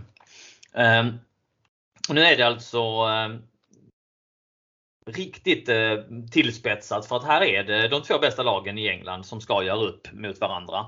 Och eh, det stakar ändå ut vägen lite grann. Va? De är ett starkt United, det gick vi igenom tidigare. Och eh, här är det mycket känslor i den här matchen. Eh, men eh, också en av de här matcherna jag tycker att John Terry steppar upp något eh, fullkomligt och eh, är också den som avgör matchen. Ja, exakt. Eh, United är riktigt vassa eh, på Stamford Bridge här. Eh, Wayne Rooney gör ju en fantastisk säsong den här säsongen. Ja. Och kommer ju slåss med Drogba i toppen av skytteligan. Och, Ja. ja. men det är deras liksom härförare här. Steppar ju verkligen upp när Ronaldo inte längre finns i laget och Ja. leder ett, ett, ett starkt United. Då. Men vi är stabila. Vi släpper inte till så mycket ändå, även om United har mycket boll och så. Men, men vi skapar inte heller mycket. Och, Eh, det är relativt chansfattigt. Det är just Rooney som har några chanser. Ehm, men sen händer ju en grej eh, i andra halvlek som liksom rör upp lite känslor och som tänder Chelsea lite. Det är en eh, situation som med dagens VAR-kameror hade behandlats på ett helt annat sätt. Vad, vad är det som händer? Ja just det, det är ehm, Drogba. Det ser ju ut som någon typ av kollision. Men det är Johnny Evans va, som sätter en karatespark mitt i magen på honom. Ja, det är en nickduell där Drogba går in för att nicka bollen och United-försvararen Evans, alltså som du Ja. säger, karatespark. Ja. Liksom, så här. Ja. Dobbarna mitt i bröstet. Eh, Drogba ligger ner. Och får Ja. syna det gula kortet. Ja, det blir frispark till United och varning på Drogba, vilket är alltså ett sånt horribelt domslut. Det är ju en solklar utvisning på Evans. Alltså Ja, det, det. Ja, ja. De blir Ja. inte solklarare och vi får liksom ingenting med oss. Nej, fullständigt orimligt. Ja, nej, helt sjukt. Mm. Och då var man ju rätt förbannad och liksom, ja, men då tände Chelsea till lite och eh, vi får en frispark strax efter och den är billig däremot. Eh, Ja. Är den. Eh, Ja. Jag vet inte om det är någon slags kompensation för den här tidigare situationen men vi, vi får en billig frispark med kvarten kvar. Eh, Ja. Och det är den som eh, Terry knoppar in också va? Det är den som Terry knoppar in eh, till 1-0. Eh, jag misstänker väl att det är Lampard som slår den och Terry Mm. som sätter skallen på den. Och, vi sätter 1-0 med kvarten kvar. Och efter det har ju United verkligen tryck, men de skapar inte mer än några halvchanser. Och eh, vi kan rida ut den här vågen och ta en riktigt tung 1-0-seger. Ja. Ja, härligt och nu börjar man känna att ja, men det, här, det här kan nog gå vägen. Det är, vi kommer ju att prestera väldigt bra mot eh, bra motstånd den här uh, säsongen. Så att eh, nu har vi ändå liksom eh, mätt oss med några tunga drakar här och eh, kommit vinnande ur de striderna. Så att eh, det här kunde bli bra. Ja, eh, och Ancelotti lyfte ju fram United som den bästa motståndaren hittills. Och så var det väl att så här, visst, vi hade förlorat mot både Wigan och Aston Villa, men då hade vi gjort det för att vi själva inte hade kommit upp i nivå. Här gjorde vi ändå en stabil och bra insats. Eh, hade lite marginaler på vår sida mot ja. ett väldigt bra lag. Så att, ja. Eh, det kändes ju här som att det var just eh, vi och United som det skulle stå emellan. Verkligen. Kommer du ihåg en rolig grej från den här matchen då? Mm, inte mer än den karatesparken, nej. Nej, det är ett klipp som man har sett cirkulera ganska mycket från ett byte som sker. Och man ser det med publiken i bakgrunden. Kommer du ihåg vad det, Ja, nu när du säger det så kommer, för jag ser din notering här också, tandborstmannen. Men det hade glömt. Men nu när du eh, berättar om det så vet jag. Ja. Ja. Mm. Jag gissar att det är många lyssnare som kommer känna igen att de har sett det. Att det, det, ja. ja. men det står en man och borstar tänderna på läktaren samtidigt som det är antingen United eller Chelsea som gör ett byte i matchen. Eh, ja. Så. Bara så här, jättekonstig och komisk grej som, som var just den här matchen. ja, det får vi leta fram det klippet och droppa i tråden på, på Chelsea-podden-gruppen. Så får ni se det om ni inte har sett det tidigare. Det är jätte, jättemärklig faktiskt, händelsen. Mm.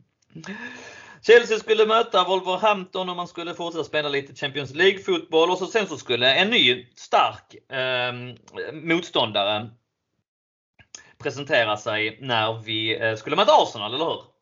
Ja men precis, för Arsenal hängde också med i toppen. Eh, vi är nu framme vid en tredjedel av säsongen ungefär. Vi har spelat 13 ligamatcher och eh, ligger nu fem poäng för, före eh, både Arsenal och Man United. Så det är ju ettan mot tvåan och vi ska åka till Emirates och möta Arsenal. Och här är ju framförallt två Chelsea-spelare som har show och två spelare som har en särskild koppling fast på helt olika sätt till just Arsenal. Just det. Och då tänker du på Ashley Cole och Drogba, eller hur?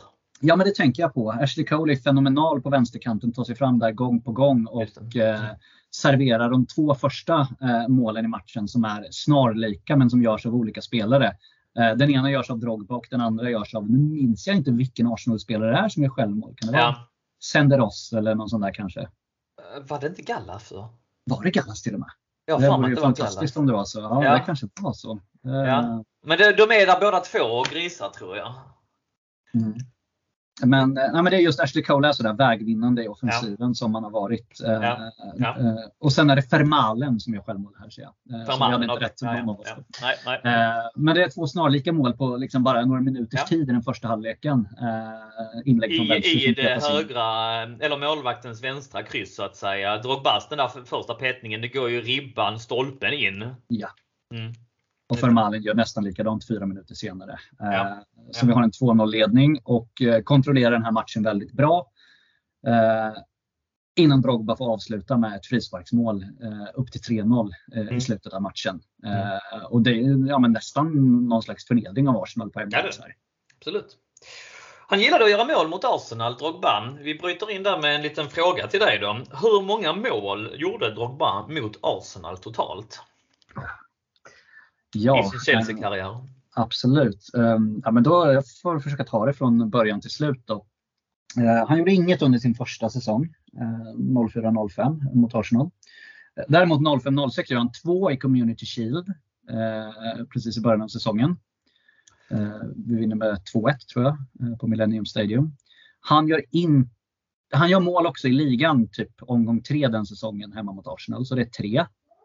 Eh, sen gör inte mål borta mot dem den säsongen. Eh, 06-07 så gör han två, nej vänta nu. Eh, det är 07-08 han gör två mål. 06-07 spelar vi väl 1-1 i slutet av säsongen. SCN gör mål och hemma Ja, jag har svårt att komma ihåg Arsenal hemma 06-07. Jag tror jag kommer ihåg detta. Jag fattar ja. inte det alltså. Uh, vi pausar den. Eh, 07-08 gör han två mål hemma mot Arsenal i ligan. Ja. Uh, men vi förlorar med 1-0 borta, så där gör han inget. Uh, det är frågan om vi har haft någon kuppmatch mot de här, men jag tror inte det. men där, jo, det har vi haft. Vi har haft uh, ligacupfinalen 2007 som man också gör två mål i. Så det är uppe i sex mål om jag räknat rätt. Nej, sju mål kanske. Mm. Sju mål är jag uppe i. Ja. Eh, och sen 08-09 så gör han ju mål i FA Cup-semifinalen mot Arsenal. Eh, och i ligan tror jag inte, Anelka gör ju något mål där borta mot dem och hemma förlorar vi väl med 2-1 från Persie och mål. Men han gör de här två mm. här, 0-9-10. Det är 10 mål. Och sen gör han två till hemma mot Arsenal senare den här säsongen. Det är 12. Mm. Och sen är frågan efter det då. Jag tror inte han gör jättemånga fler mål mot Arsenal faktiskt. Eh, säsongen efter då var jag på Emirates och då gör han inte mål för då förlorade jag Ivanovic mål. Och Arsenal hemma då 2010-2011 försöker jag komma ihåg nu vad det var för match.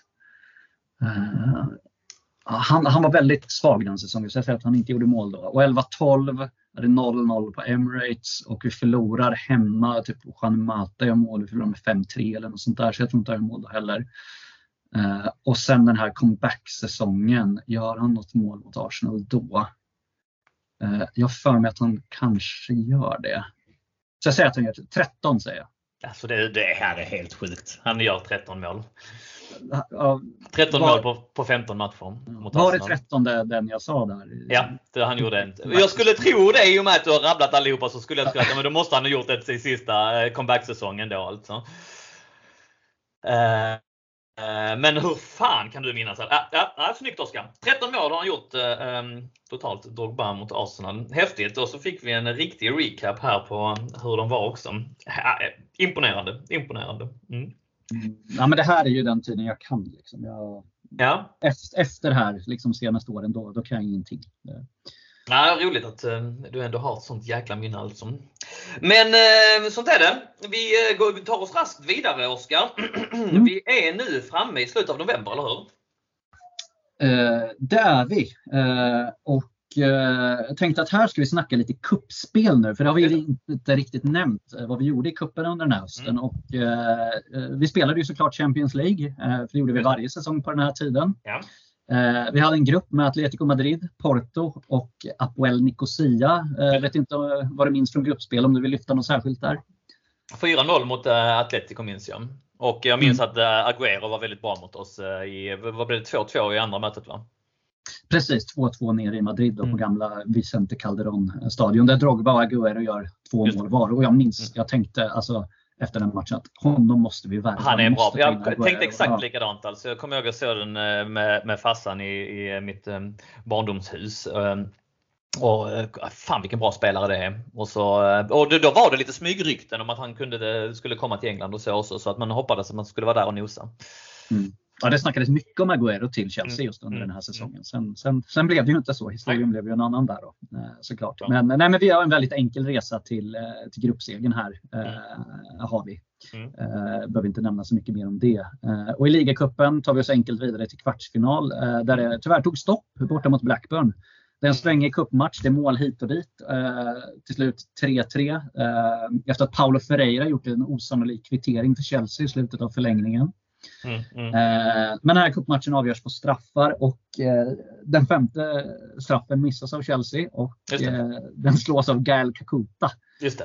Alltså den här spelaren då som vi otillåtet hade värvat några år tidigare och fått mm. transferban. Och vid den här tidpunkten så var inte den här transferbannen upp, upphävd ännu. Nej. Så det var nog inte jättekul att heta Gael Kakuta här och känna att man dels skickat ut Chelsea ur en cup och också gjort att man inte fick värva spelare. Även om det såklart inte är hans fel. Nej, Nej. så är det. Svag straff, målet ungefär. Minst en, absolut. Mm -mm. Men innan vi går vidare här så är det du som ska få utsättas för lite quiz här. Mm. Eh, vi snackade ju eh, Champions League-grupp lite kort här och mm. eh, bland annat mötte vi upp Porto då, vilket var tredje gången på eh, fem säsonger som vi ställdes mot dem. Mm. Och de är inte det enda laget som vi har mött många gånger. Totalt har vi mött Porto fem gånger i Champions League. Mm. Eller i Europaspelet. Utöver Porto så finns det sju stycken klubbar som Chelsea har spelat mot minst fyra gånger i Europaspelet. Och med mm antal gånger nu så menar jag att möts man i ett gruppspel och möts liksom i två matcher då så är det ändå en mm. gång. Det är ett är det en gång ja. Möts mm. man i en final och bara möts en gång så är det också ett tillfälle. Så liksom gruppspel mm. eller en final eller så spelar ingen roll. Men det är alltså antal tillfällen som vi har, då, har mm. lottats mot eller fått möta eh, olika klubbar. Eh, det är som sagt det är sju stycken klubbar utöver Porto då, som vi har mött minst fyra tillfällen. Eh, jag vill att du ska säga sex av dem eh, och du får totalt tio gissningar. Så du kan ha några Mm. felgissningar. Okej, det här är ju fullständigt ogooglingsbart också kan man ju säga. Så att det här det går inte alls att fuska. Men Barcelona måste ju vara med. Ja, de eh, toppar listan också. Vet du hur många gånger? Ja. Det, du behöver inte säga hur många, men om du ska gissa bara.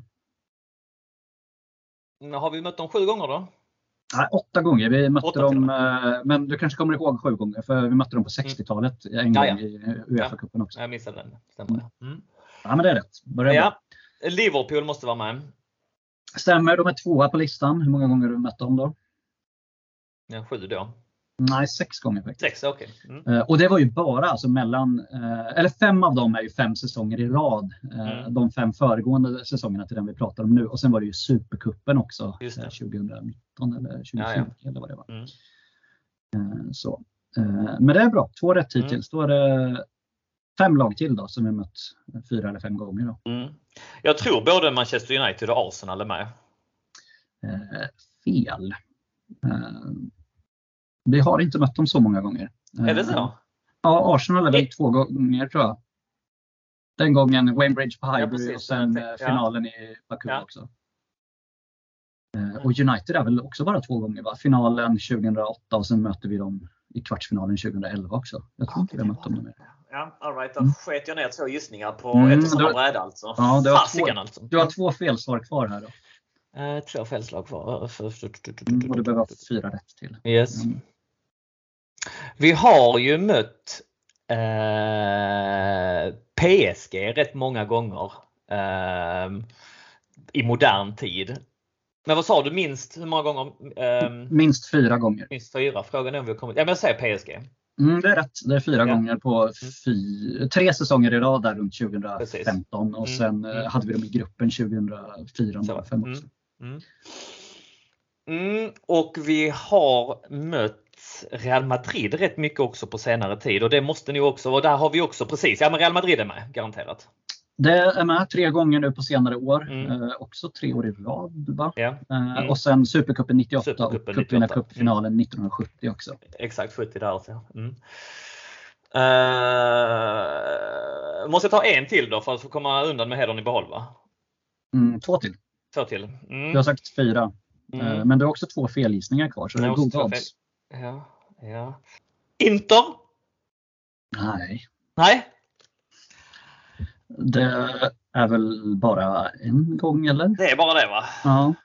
Så det... jag börjar bli desperat nu, känner tidspressen också. ja. Det är Ja. tre ganska stora europeiska klubbar då, som eh, Ja. ja. Så det är inga slamkrypare direkt. Det är inga slamkrypare direkt, nej.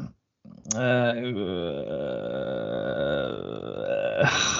fasen. Atletico Madrid då? Jajamän, fem gånger. Bland annat den här säsongen då och sen även ett par gånger där Ja. eh, på senare Ja. år också. Så det är Ja. rätt. Mm. Då behöver jag en Eh, till då.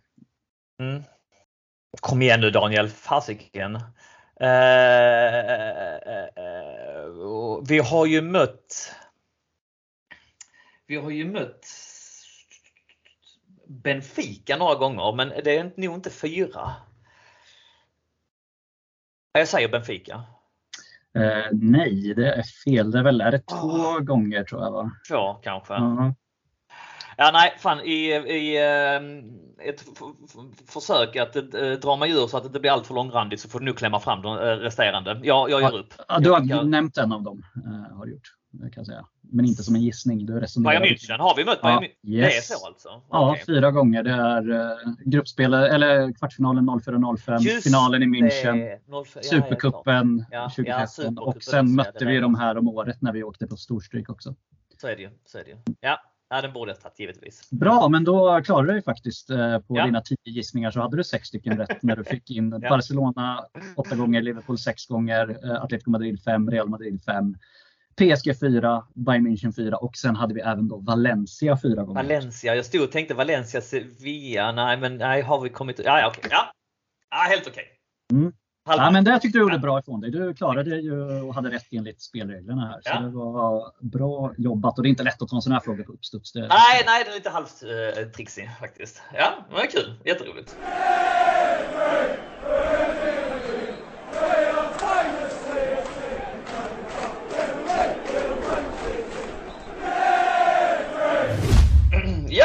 Avstickaren så har vi kommit in i december, eller hur Oskar?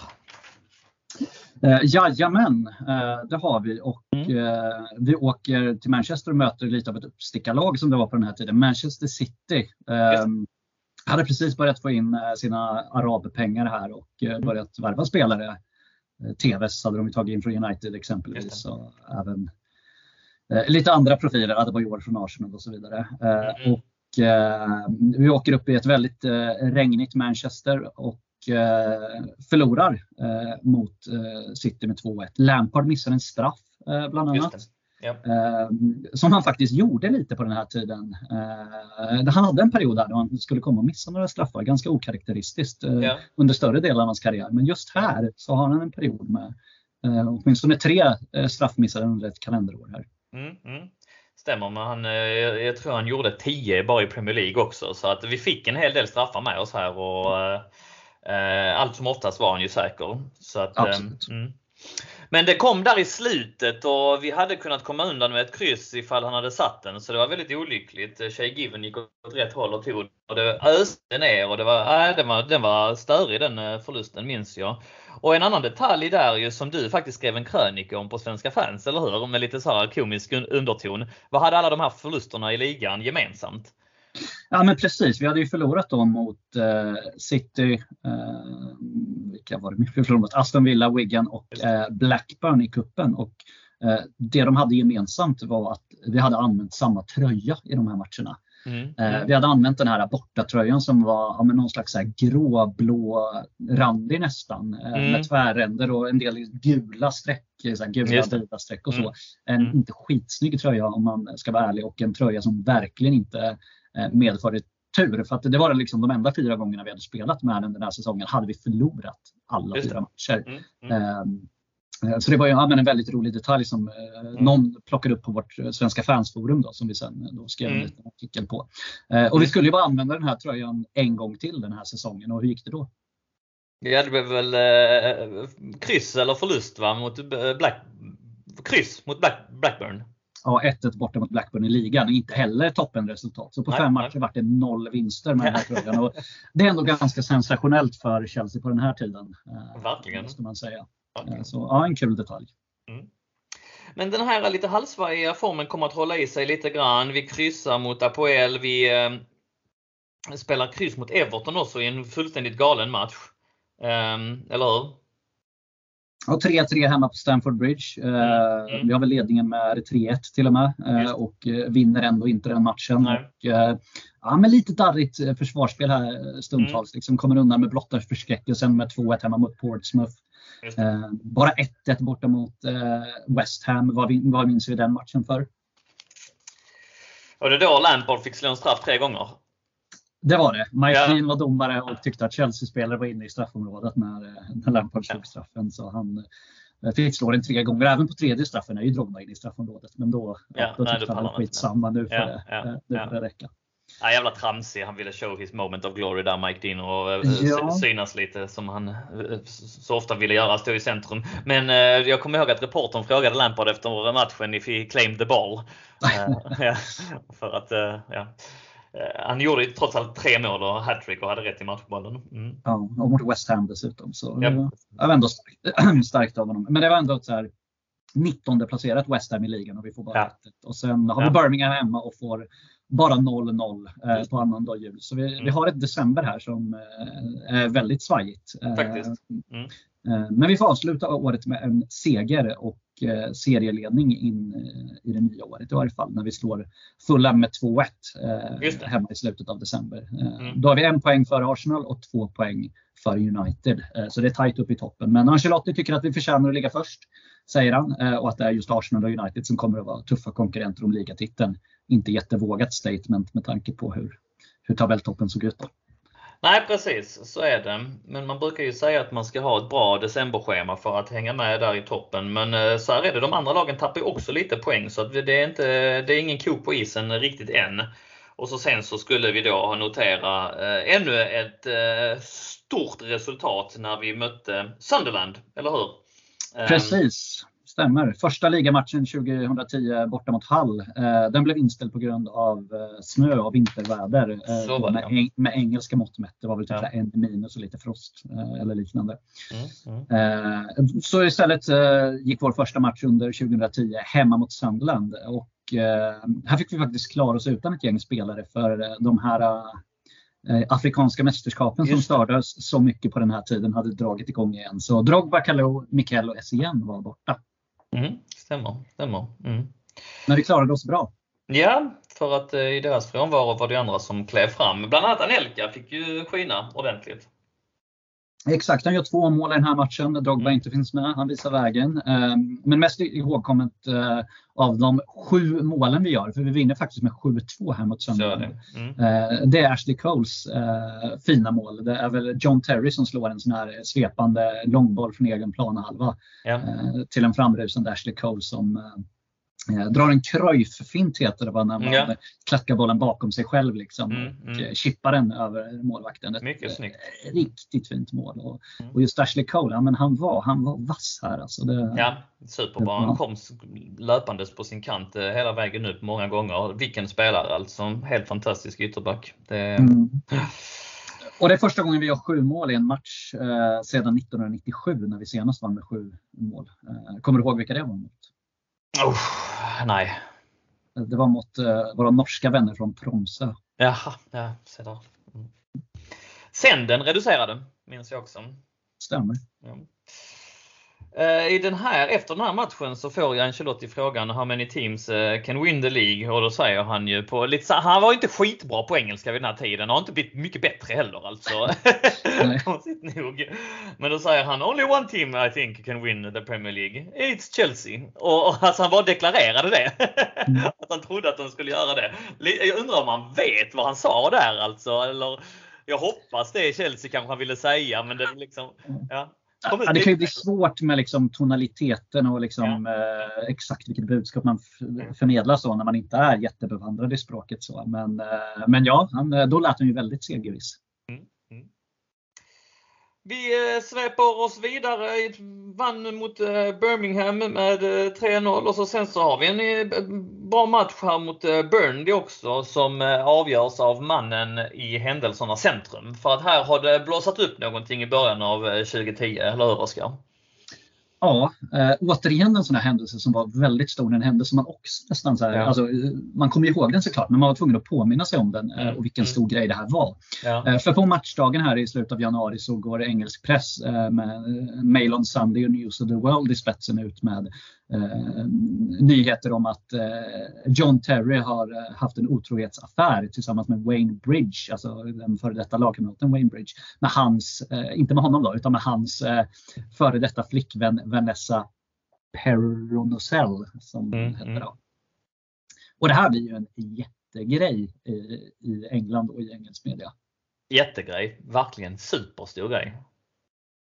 Eh, hatstorm mot Terry från alla möjliga håll. Eh, kraftig opinion i England om att han ska ifråntas eh, den kaptensbindel han har för det engelska landslaget. Mm. Eh, det slås verkligen på stora trumman och det här liksom dominerar nyhetssändningar och det är paneldebatter och alla möjliga liksom, mm. Eh, Alan Shearer, Michael Owen, alla möjliga har jag sett liksom, uttalar sig om det här på olika sätt. Och mm. Vissa är ju att ja, men, eh, vad man gör utanför planen liksom ska inte påverka eh, om man ska vara kapten och in, eller inte och andra tycker det är förkastligt. Och, ja, det är mm, väldigt mm. mycket rabalder kring det här. Mm. Eh, det slutar ju faktiskt med att han blir fråntagen kaptensbindeln. Eh, precis. Eh, Capello meddelade några dagar senare att eh, Terry inte längre skulle vara landslagskapten mm. på grund av de här händelserna. Då. Mm. Men, men, samma dag då som det här briserar i engelsk press så har vi en bortamatch mot Burnley och Terry blir ju såklart massivt utbuad på Turf Moor. Det är jättetydligt när han har bollen. Mm. Det är en sån här tuff bortamatch. Vi är inte superbra. Vi har ett 1-1 resultat i 82 minuten när Eh, vi får en hörna som just John Terry dyker upp på och eh, nickar in ett Precis. Eh, förlösande 2-1 mål. Och ja. vad skanderas med glädje från bortasektionen? Ja, ja, typ “There's only one England captain” eller någonting. Det är där den föds va? Jajamän, One ja. England captain. För Chelsea-supportrarna backar ju såklart John Terry. Ja. Eh, och något som är lite intressant med det här som ofta glöms bort då är ju att eh, det skulle senare visa sig att eh, de här uppgifterna i pressen på något sätt var fabricerade. För senare samma år så får ju både Mail on Sunday och News of the World gå ut med ursäkter som ju såklart inte blir en stor grej på första sidan utan det är så en liten notis på sida 18 typ. Mm. Där de ber om ursäkt till den här kvinnan då, som var utpekad och medgav att uppgifterna inte stämmer. Och då jag har aldrig riktigt, riktigt fattat så här, vad, vad innebär det? Är det att de har liksom fabricerat hela historien eller någon detalj som inte stämmer? Alltså har det här hänt eller inte? Alltså alla verkar övertygade om att det har hänt men det, för mig är det inte solklart.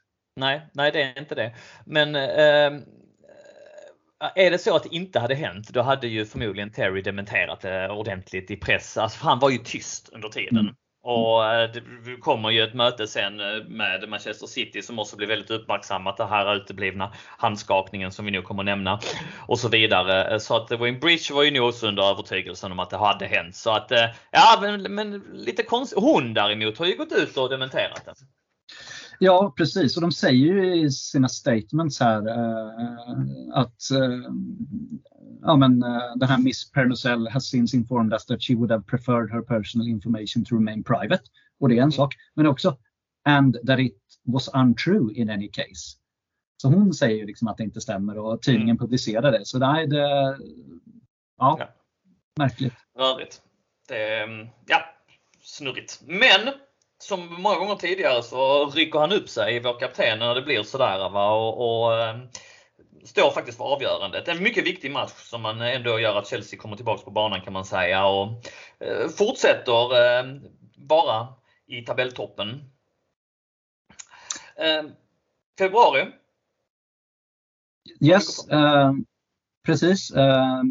börjar med att vi får beskedet att det här transferförbudet som vi pratade om tidigare, det har hävts. men vi värvade ingenting i januari utan vi har samma trupp här som vi hade under resten av mm. säsongen. Men vi får veta att i sommar kommer vi kunna köpa spelare i alla fall. Mm. Eh, och så har vi en eh, ny stormatch i, i omgång 25 i början av eh, februari när eh, Arsenal kommer på besök till Stamford Bridge. Eh, och det här var ett Arsenal som var pressat. De hade förlorat mot Man United i föregående omgång och hade nu 6 poäng upp till Chelsea inför den här matchen. Så här hade vi faktiskt en chans att eh, såga av Arsenal. Och mm. eh, lyckligtvis eh, så hade det inte gått skitbra för Elfenbenskusten i de afrikanska mästerskapen och eh, Didier Drogba var tillbaka i laget eh, mm, i den här matchen. Mm. Och eh, med besked, eller hur? Ja, han gör det han då brukar göra mot Arsenal. Två av de här 13 målen kommer i den här matchen. Mm. Eh, den ena är väl att han dyker upp påpassligt på bortre stolpen och eh, petar Terry in den. Skarvar ner, ja precis. En hörna, ja. Mm. Och den andra är lite mer av en eh, individuell prestation om jag minns vad han drar några spelare och sätter ett skott. Det är den han kommer på kanten, vad viker in, ja. man tror han ska passa och så dundrar den med vänstran i första stolpen. Ja. Ja. Mm. ja. Skitsnyggt eh, solomål alltså. Ja, det är en jättestark prestation och han är ju jättenära att få ett hattrick för han har ju slutat matchen en frispark som är klockren i ribban och jag vet inte om det är Almunia eller vem det är som står i Arsenal-mål är ju bara helt förstenad där. Så är den bara någon centimeter mm. längre ner så är det ribba in och ett eh, snyggt hattrick. Mm, mm. Eh, men väl en 2-0-seger mot Arsenal och eh, nu är det ju ett two horse race mellan Chelsea och Man United. Nu är vi nio poäng för Arsenal så de är ju borta nu faktiskt. Faktiskt. De kommer att knappa in lite grann men det kändes det som att det skulle stå mellan oss och eh, United. Absolut. Möter Everton också i mitten av februari. Ja. Tappar poäng, eh, förlorar till och med eh, på Goodison. Eh, Louis Saha som hade en förmåga att göra mycket mål mot Chelsea oavsett vilken klubb han spelade i. Mm. Sänker oss med två mål där. Det. Och det var ju så under den här säsongen. Det, vi gör ju en stark säsong här, vi leder ligan mm. men det är ändå vår fjärde förlust i ligaspelet mm. mm. i början av februari. Det är ganska mm. mycket för att ja. vara serieledare trots allt. Absolut. Absolut. Check hade hunnit rädda en straff innan dess. Ehm, men eh, ja, nej det hjälpte inte. Sen kommer vi fram till en match som jag och du var på, en bortamatch, eller hur?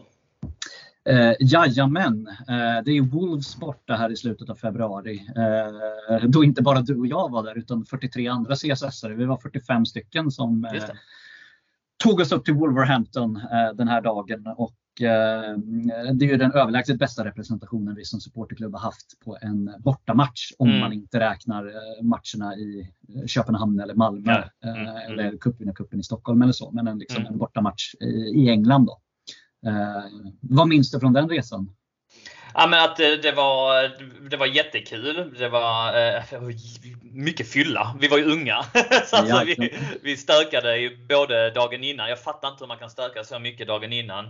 Och så sen vakna och så bara ta vid liksom eh, dagen efter. Det, det är jag för gammal för nu för tiden ska jag Mm, säga. jag med, definitivt. Ja. Men eh, en härlig eh, tågresa, eller hur? Många bekantskaper knöts också. Eh, Många trevliga CSS-are. En del, de flesta är, som, är med oss fortfarande men några har gått ur tiden också. Eh, Mm. Så, men, men en fantastisk resa och eh, jätterolig. En bra match. Återigen Drogba ett monster. Vi hade ju fin, väldigt fin uppsikt på framförallt andra målet. Den här utsparken som Check skickar iväg och, och som eh, kommer landar bakom backlinjen och som Drogba hugger på och rundar målvakten. Så att, eh, nej, en eh, kanonresa på alla sätt och vis. Mm. Ja men verkligen, det var eh, riktigt kul var det. Och, eh, minns redan innan matchen när vi var på den här Royal London, hette den väl, puben i Wolves där Chelsea-supportrarna samlades. Och, Mm. eh, det började komma nyheter om att United som spelade mot Everton tidigare Mm. på dagen, att de låg under med 2-1 och de låg sen under med 3-1, vilket de också förlorade med. Ja, Eh, ja. Och eh, att eh, ja, man varit extra taggad av det och sen eh, Mm. när vi går och vinner här eh, Ja. eh, så eh, ryckte vi lite i toppen eh, dessutom. Eh, och, eh, vi var ju pressade av Wolves i den här matchen. De gör ju en kanonmatch. Men det är ju just ja, men Drogba som gör skillnaden här. Som man gjo- gjorde vid flera tillfällen den här säsongen. Två, eh, två mål varav det ena är ett riktigt eh, klassmål. Då. Nej, Eh, Även Check eh, gör ju en bra insats. Gör ju flera fina räddningar i den här matchen. Eh, Så vi, vi får ett litet avstånd på fyra poäng mot United i ligatoppen. Så var det. Bra match. David somnade och blev för alltid kallad Sleeping Dave efter det. Minns du det? Eh, ja, det var ju en annan match va? Eh, Var det det? eh, Det var den här Stoke borta tidigare under säsongen när Malouda avgjorde. Han sov, han sov, ja nej men eh, här var det väl att han, han missuppfattade slutresultatet va? Ja men precis för att han hade somnat till. Han vaknade. Just han kanske hade somnat Ja, till den gången ja, också. ja. Så, vad blev det i matchen? Så 2-2. Vem gjorde deras mål? Paul Ince sa jag till honom. Han bara, ah, just det. Och så, så somnade han om igen. Mm. så Paul Ince hade slutat spela fotboll 10 år tidigare eller någonting. Ja. ja. Ja, det var roligt. Ja, Ja. det var mycket, mycket Sleeping Dave eh, kring honom Ja. på den tiden. Eh, det var det. Väldigt internt och lite nördigt där också. Men vi går vidare och nu ska vi eh, eh, tyvärr prata om en tråkig Champions League-match, eller hur?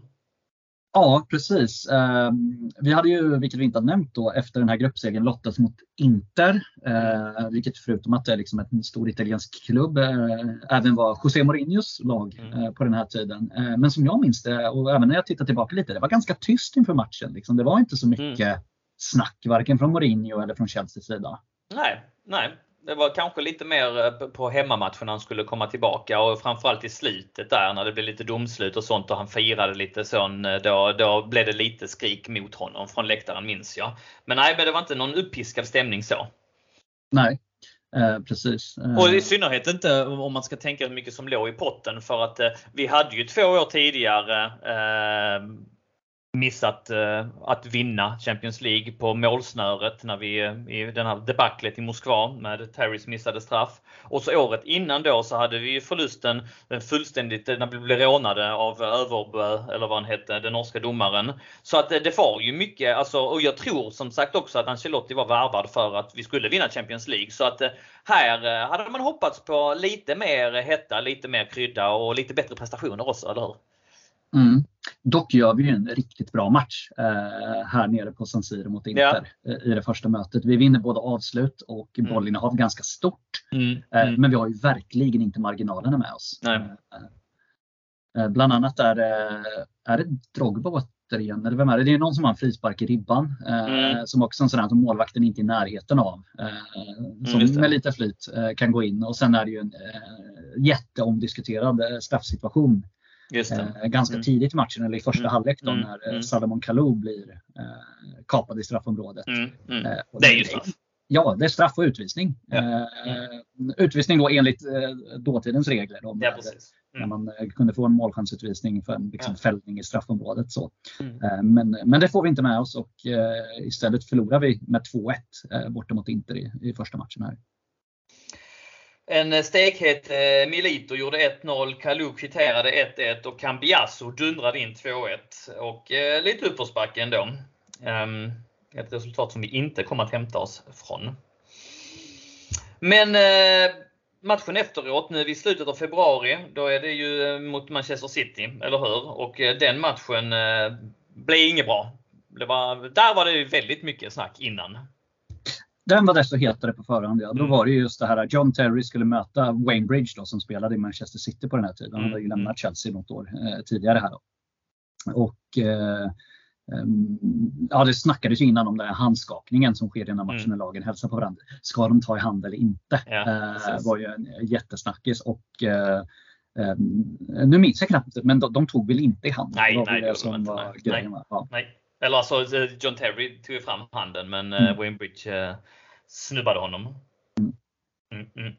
Så är det. En match som vi förlorade. Här blev det svårt för City här eh, en period alltså. Eh, Störigt lag och, och Tevez snurrade upp just Terry där och, och eh, får in en boll. Han var bra. Även, fan hette han utan nacke, Craig Bellamy. Gjorde väl något mål va? 4-2 blev det till slut va? Ja, vi var jättevirriga i för, försvarssplet och där undrar man just om men är Terry störd av allt det här skriverierna i pressen och allting Mm. för att han var inte bra i den här matchen. Eh, och, sen har vi också lite oflyt så här för att eh, vi får en straff och en utvisning emot oss eh, när Belletti gör ner om det är, Ja. det är säkert Bellamy eller eller någon, i en Mm. situation som är identisk mot den vi har Ja, i Milano i veckan. Ja, Men skillnaden är att nu blir det straff och utvisning. Då blev det inte det när det hade kunnat varit i vår favör. Då. Eh, och Ballack blir också utvisad i den här matchen så att vi har nio man i slutet men då får vi en kompensationsstraff så vi kan snygga till siffrorna till 4-2. Ja, Mm. riktigt stökig match alltså. Ja. eh, som inte slutade bra för oss. Så är det. Vi kommer att bouncea tillbaka här när vi vinner mot West Ham med 4-1. Eller hur?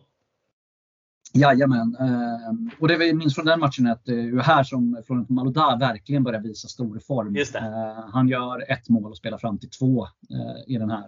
Eh, och vi har Ross Turnbull i målet. Hilario hade ju stått i matchen innan men släppte in fyra bollar då, och då får Turnbull vara målvakt här istället i och med att vi hade eh, skadeproblem på check eh, just på den här tiden. Mm, mm. Nej, stämmer. stämmer. Och d- 4-1 blev det. Kommer ihåg att Scott Parker gjorde deras mål. Ehm, innan det var dags att åka ur Champions League. Tyvärr, eller hur? Ja, vi är aldrig riktigt nära eh, när Inter kommer med sin 2-1-ledning eh, till Stamford Bridge. Vi har en svag Den insats. matchen menar jag att eh, man hoppats med. För här tycker jag inte vi kommer upp i nivå. Nej, ja, men inte alls. Vi, vi kommer ingenstans. Mourinho manövrerar ju ut Ancelotti totalt i den här matchen. Eh, Mm. det känns som en, en, en coachseger delvis. Då. Ja. och, eh, ja, men vi har svårt att skapa chanser och Samuel Eto'o eh, sätter spiken i kistan eh, Mm. med sitt mål för Inter som innebär 3-1 över två matcher då, till Mm. Inter. Och, eh, jag började nästan känna, ja, men var det här sista chansen för Ja. Terry, Lampard, Drogba, Check, det gänget i Champions League just för att här, vi hade varit Mm. nära så många gånger. Och nu var vi inte det. Nu åkte vi i åttondelen helt plötsligt. Ja. Förvisso mot det laget som senare skulle vinna turneringen men Ja, Men det kan vara värt att notera faktiskt. Mm. Jäklar, han fick ut max av det laget Mourinho. mm, det gjorde Mm. han fint. Ja. Så är det. Tung vecka onekligen, eller hur? Ehm, för att eh, den här förlusten skulle följas upp med ett 1-1 resultat mot Blackburn. Mm. Och här tappar vi serieledningen eh, för första gången på evigheter. Vi har ju haft serieledningen väldigt länge men United Mm. eh, slår Liverpool samma dag som vi eh, tappar poäng mot Blackburn och Då tar de över serieledningen och nu har vi spelat eh, 31 matcher så det är bara sju omgångar kvar. Just det. Mm. Men vi skulle hitta formen här framåt slutet. Återigen stora resultat. 0-5 mot Portsmouth, 7-1 mot Aston Villa. Och efter 32 spelade omgångar, när då, och det, vad blir det, eh, mars ska summeras så ligger Manchester City etta med 72 poäng och vi tvåa med 71 Ja. poäng. Manchester United menar jag såklart. Precis, inte Manchester City. Nej, nej, nej. ja. Det var på den tiden Manchester United det var den eh, självklara vinnaren i Manchester. Eh, 72 poäng hade Manchester United och Chelsea hade 71 poäng efter 32 spelade omgångar. Och eh, alltså vi hade några sådana extrema resultat här. 5-0 mot Portsmouth. Eh, Marodai återigen i storform. Eh, sen så 7-1 då. Eh, Aston Villa. Fyra mål av Lampard, varav två på straff. Två stycken mål av Malouda igen. Här trummar vi igång ordentligt, eller hur? Ja men här har vi ju liksom börjat hitta eh, offensiven. Mm. Eh, verkligen. Alltså, ja men just det, Malouda har kommit igång. Yes. Kalou, Drogba, Anelka är heta där framme. Kanske mm. framförallt Drogba då. Eh, Lampard producerar mycket från mittfältet. Eh, ja, mm. Den anfallsfotbollen vi spelar här är kanske den vassaste i klubbens historia. Det finns andra perioder som kan konkurrera såklart. Mm. Mm. Första säsongen under Mourinho exempelvis. Under även under Conte och så vidare. Men det, mm. vi är väldigt vägvinnande framåt här. Mycket. Och eh, då ska vi ju möta Manchester United, eller hur? Och här är det ju viktigt. Det här är ju en sexpoängsmatch. Ja men verkligen. Det är ju liksom eh, ettan mot tvåan i tabellen. Det skiljer en poäng som du var inne på. Mm. Eh, det är en seriefinal i omgång 33 av 38 ja. omgångar. Så att så här, det, mm. ja, börjar verkligen dra ihop sig. Eh, och vi ska möta dem borta också. Så det, mm. det är inte lätt att åka till Old Trafford. Nej, säsongens viktigaste match. Eh, vi inleder starkt, eller hur? Vi har mycket bollinnehav i den här matchen och, och skapar en hel del chanser, eller hur? Ja, men jag minns från den här matchen att jag var imponerad över liksom hur, hur pass vi ändå förde spelet på mm. Old Trafford. Mm. En arena vi hade haft ganska tufft för under de senaste åren. Vi var bra där så här, sent 90-tal, tidigt 00-tal, men eh, vi hade några storförluster här eh, mm. de senaste säsongerna. Så det var ja, men en positiv överraskning att vi var så pass starka. Ja men verkligen. Och, och, eh, men här vinner vi rättvist alltså? Eh, ja men eh, sett till matchen, sett till chanser, sett till matchbilden absolut. Vi tar Sen har vi lite flyt. Ja det har vi. Mm. Vi tar ledningen först genom Joe Cole. Vi sa att han Gjorde inte jättemycket väsen av sig den här Nej. säsongen, men här gör han ju ett fint mål. Det är väl Florent Maroda som snurrar upp på vänsterkanten. Eh, spelar snett inåt baka till Joe Cole som eh, längs med marken klackar in bollen eh, i målet. Mm. Så en, en tjusig liten delikatess där. Mm. Mm. Och efter det kommer United mer och mer in i matchen och båda lagen har en varsin straffsituation. Det blir mycket domarfokus i den här matchen. Mm. Paulo Ferreira uppe i offensivt straffområde har en jättechans som han bränner. Eh, och eh, matchen står och väger eh, när Drogba, som faktiskt börjat på bänken otippat nog i den här matchen, har kommit mm. in på plan och gör 2-0 för Chelsea. och det målet är ju väldigt omdiskuterat. Ja, det är ju solklar offside. Ja, typ en och en halv, två meter nästan. Det är väl Kalou ja. som spelar fram honom och han, ja. ja. det är obegripligt att assisterande domaren inte tar den. Faktiskt. ja. Drogba onside! Second for Chelsea. He's off from, me, from where I am. We shall see. He's certainly beyond the two centre backs, and we have to look again and see if one of the full backs or the midfield player had dropped in. But it looks for all the world when this is played, he's, he's offside. Så där, där, där har vi tur eh, faktiskt. Eh, så. Och eh, strax efter reducerar United. Eh, genom Macheda var det väl. Eh, ett mål som kanske också skulle ha dömts bort om man hade haft VAR för den är uppe på hans hand och studsar. Mm, mm. Den bollen. Eh, och sen gör inte United det jättemycket. Berbatov har någon halvchans men, men vi håller ut och tar en blytung 2-1 seger mot United. Verkligen. Mm. Joe Cole, United-dräparen, eller hur? kommer att göra trots allt 26 matcher i ligan den här säsongen. 40 matcher total. Men som sagt tidigare, många inhopp och, och tröttnade på det och gjorde också sin sista säsong. Men eh, nu är vi i semifinal i FA-cupen också. För att här slår vi med eh, Champions League ur sikte så är vi nu i toppstrid i Premier League och vi har chans att ta en åtråvärd dubbel. Precis, vi har inte snackat om FA-cupen hittills men det är för att vi har haft en eh, ganska enkel väg mot mm. eh, ganska mediokert motstånd. Vi har slagit Watford med 5-0, Preston med 2-0, Cardiff med 4-1 och Stoke med 2-0. Eh, så liksom inga kioskvältare på vägen sådär. Mm. Daniel Sturridge eh, gjorde inte jättemycket för oss i ligan men har varit väldigt framstående i FA-cupen med fyra mål på de här fyra matcherna. Eh, han fick ju mer speltid i den turneringen då. Mm. Och det är Aston Villa som väntar i semifinalen på Wembley. Just det. Och det gick ju bra. Eh, det gick bra. Eh, en ganska seg match eh, där vi har svårt liksom, att få till det. Men vi gör tre mål på sista kvarten. Det rinner iväg till 3-0. Två målen är på stopptid till och med, så det speglar inte riktigt matchbilden. Men vi är ändå klara för fa Cup-final. Så är det. Och där ska Portsmouth vänta av alla, alla lag. Men den håller vi på lite grann och kommer ta tag i när den tiden är inne, eller hur? Men vi har bra utgångsläge här i ligan nu med eh, bara tre matcher kvar. Eh, vi är fyra poäng före Manchester United. Eller fyra, matcher kvar är det ju faktiskt inför precis 35 omgången. Mm. Eh, men supertufft spelschema, eller hur? Ja, vi har två, två svåra, två lätta kan man säga. Vi har ju Tottenham och Liverpool borta och sen har vi Stoke och Wigan hemma. Ja. medan United har ett ganska enkelt spelschema mot mestadels liksom, lag mm. på nedre halvan så. Mm. Mm. Och ja, två, två av säsongens tuffaste bortamatcher har vi ju kvar här. Så är det ju. Och vi kom faktiskt att eh, få stryk av Tottenham.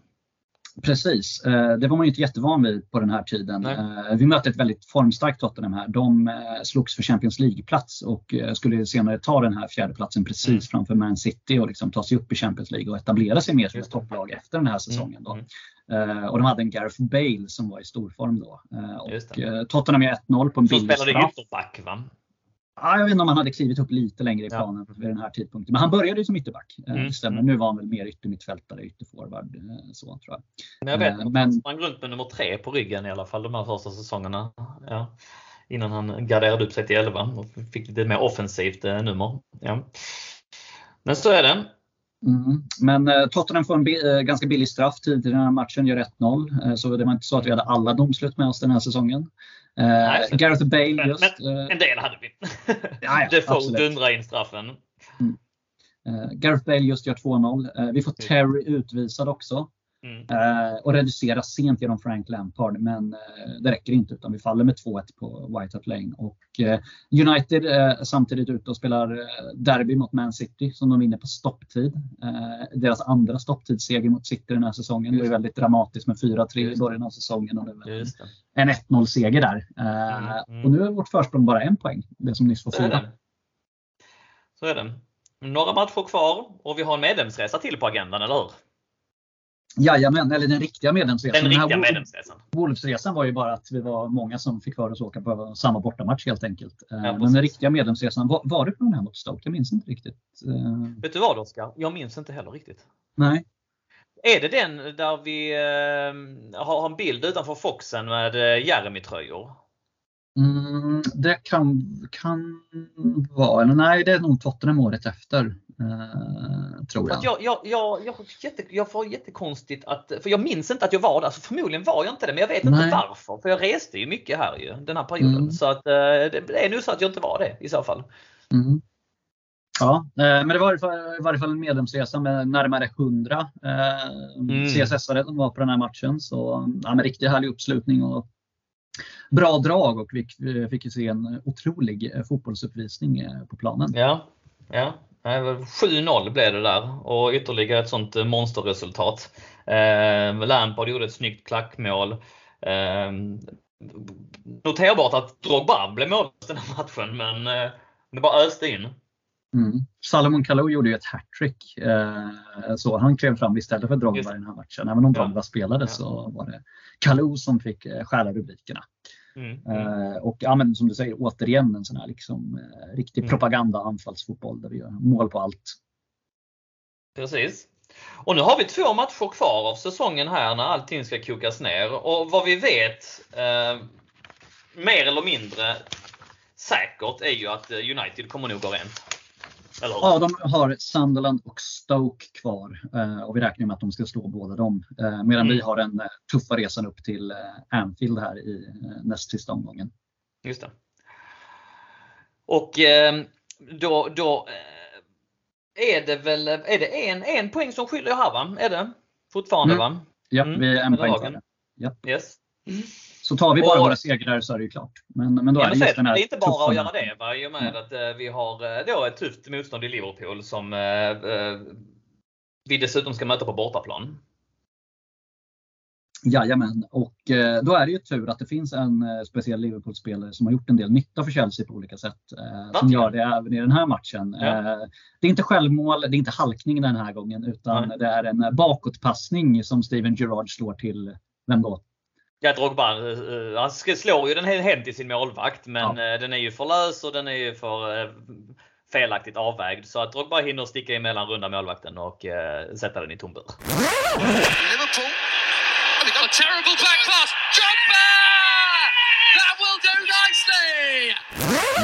Så Det är det. mycket fin hjälp vi får av Steven Gerrard. Mm. Och, Mm. Ett av flera hjärnsläpp mot just Chelsea. Jävla Jajamän. tradition han fick in där, verkligen. Mm. 2-0 skulle det bli, eller hur? Ja, Anelka eh, tar sig runt på kanten och spelar fram Lampard till 2-0 i, slutet av matchen. Och eh, det är faktiskt närmare 3-0 än 1-2. Ja. Eh, vi gör en, eh, ja, men en, en väldigt stabil insats eh, här mot Liverpool. Det var, på något sätt var det att så här, mot eh, många av de här kanske då lite sämre lagen, ja, men då Mm. kunde vi verkligen eh, ösa på och göra mycket Mm. mål. Liksom, vi har pratat 7-0, vi har pratat 7-1, vi har pratat 7-2. Mm. Det kommer mer i kommande matcher här. Mm. Mm. Eh, men mot topplagen då var det snarare att ja, men vi var stabila eh, Ja. mot liksom Liverpool, Arsenal, United. Eh, Ja.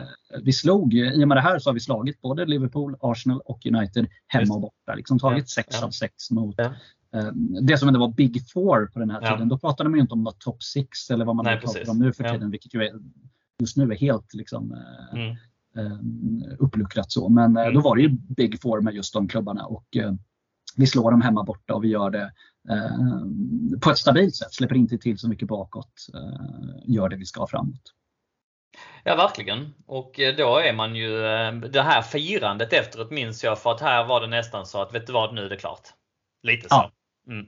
Precis. Det, ja, men det, där firar vi som det var klart. Det är jättefina bilder när eh, supporterna, eller spelarna tackar supporterna efter eh, matchen och borta sektionen sjunger Mm. eh, We're the team that's gonna win the football league, we shall not be moved. Och man Mm. känner att ja, det är vi som ska vinna den här ligan. Verkligen. Men eh, det är ju, ska ju spelas av en match va? och jag och Fassan vi träffades i min lägenhet och jag hade, tag- jag hade köpt en, en champagne och jag vågade inte öppna den här men eh, på ett bra tag. Men i den allra sista spelomgången så blir det ju klart för att man måste vinna den här sista matchen. Och vi eh, helsingborgare vet att det inte är helt lätt alltså när eh, HIF skulle bara eh, möta, vilka var det nu?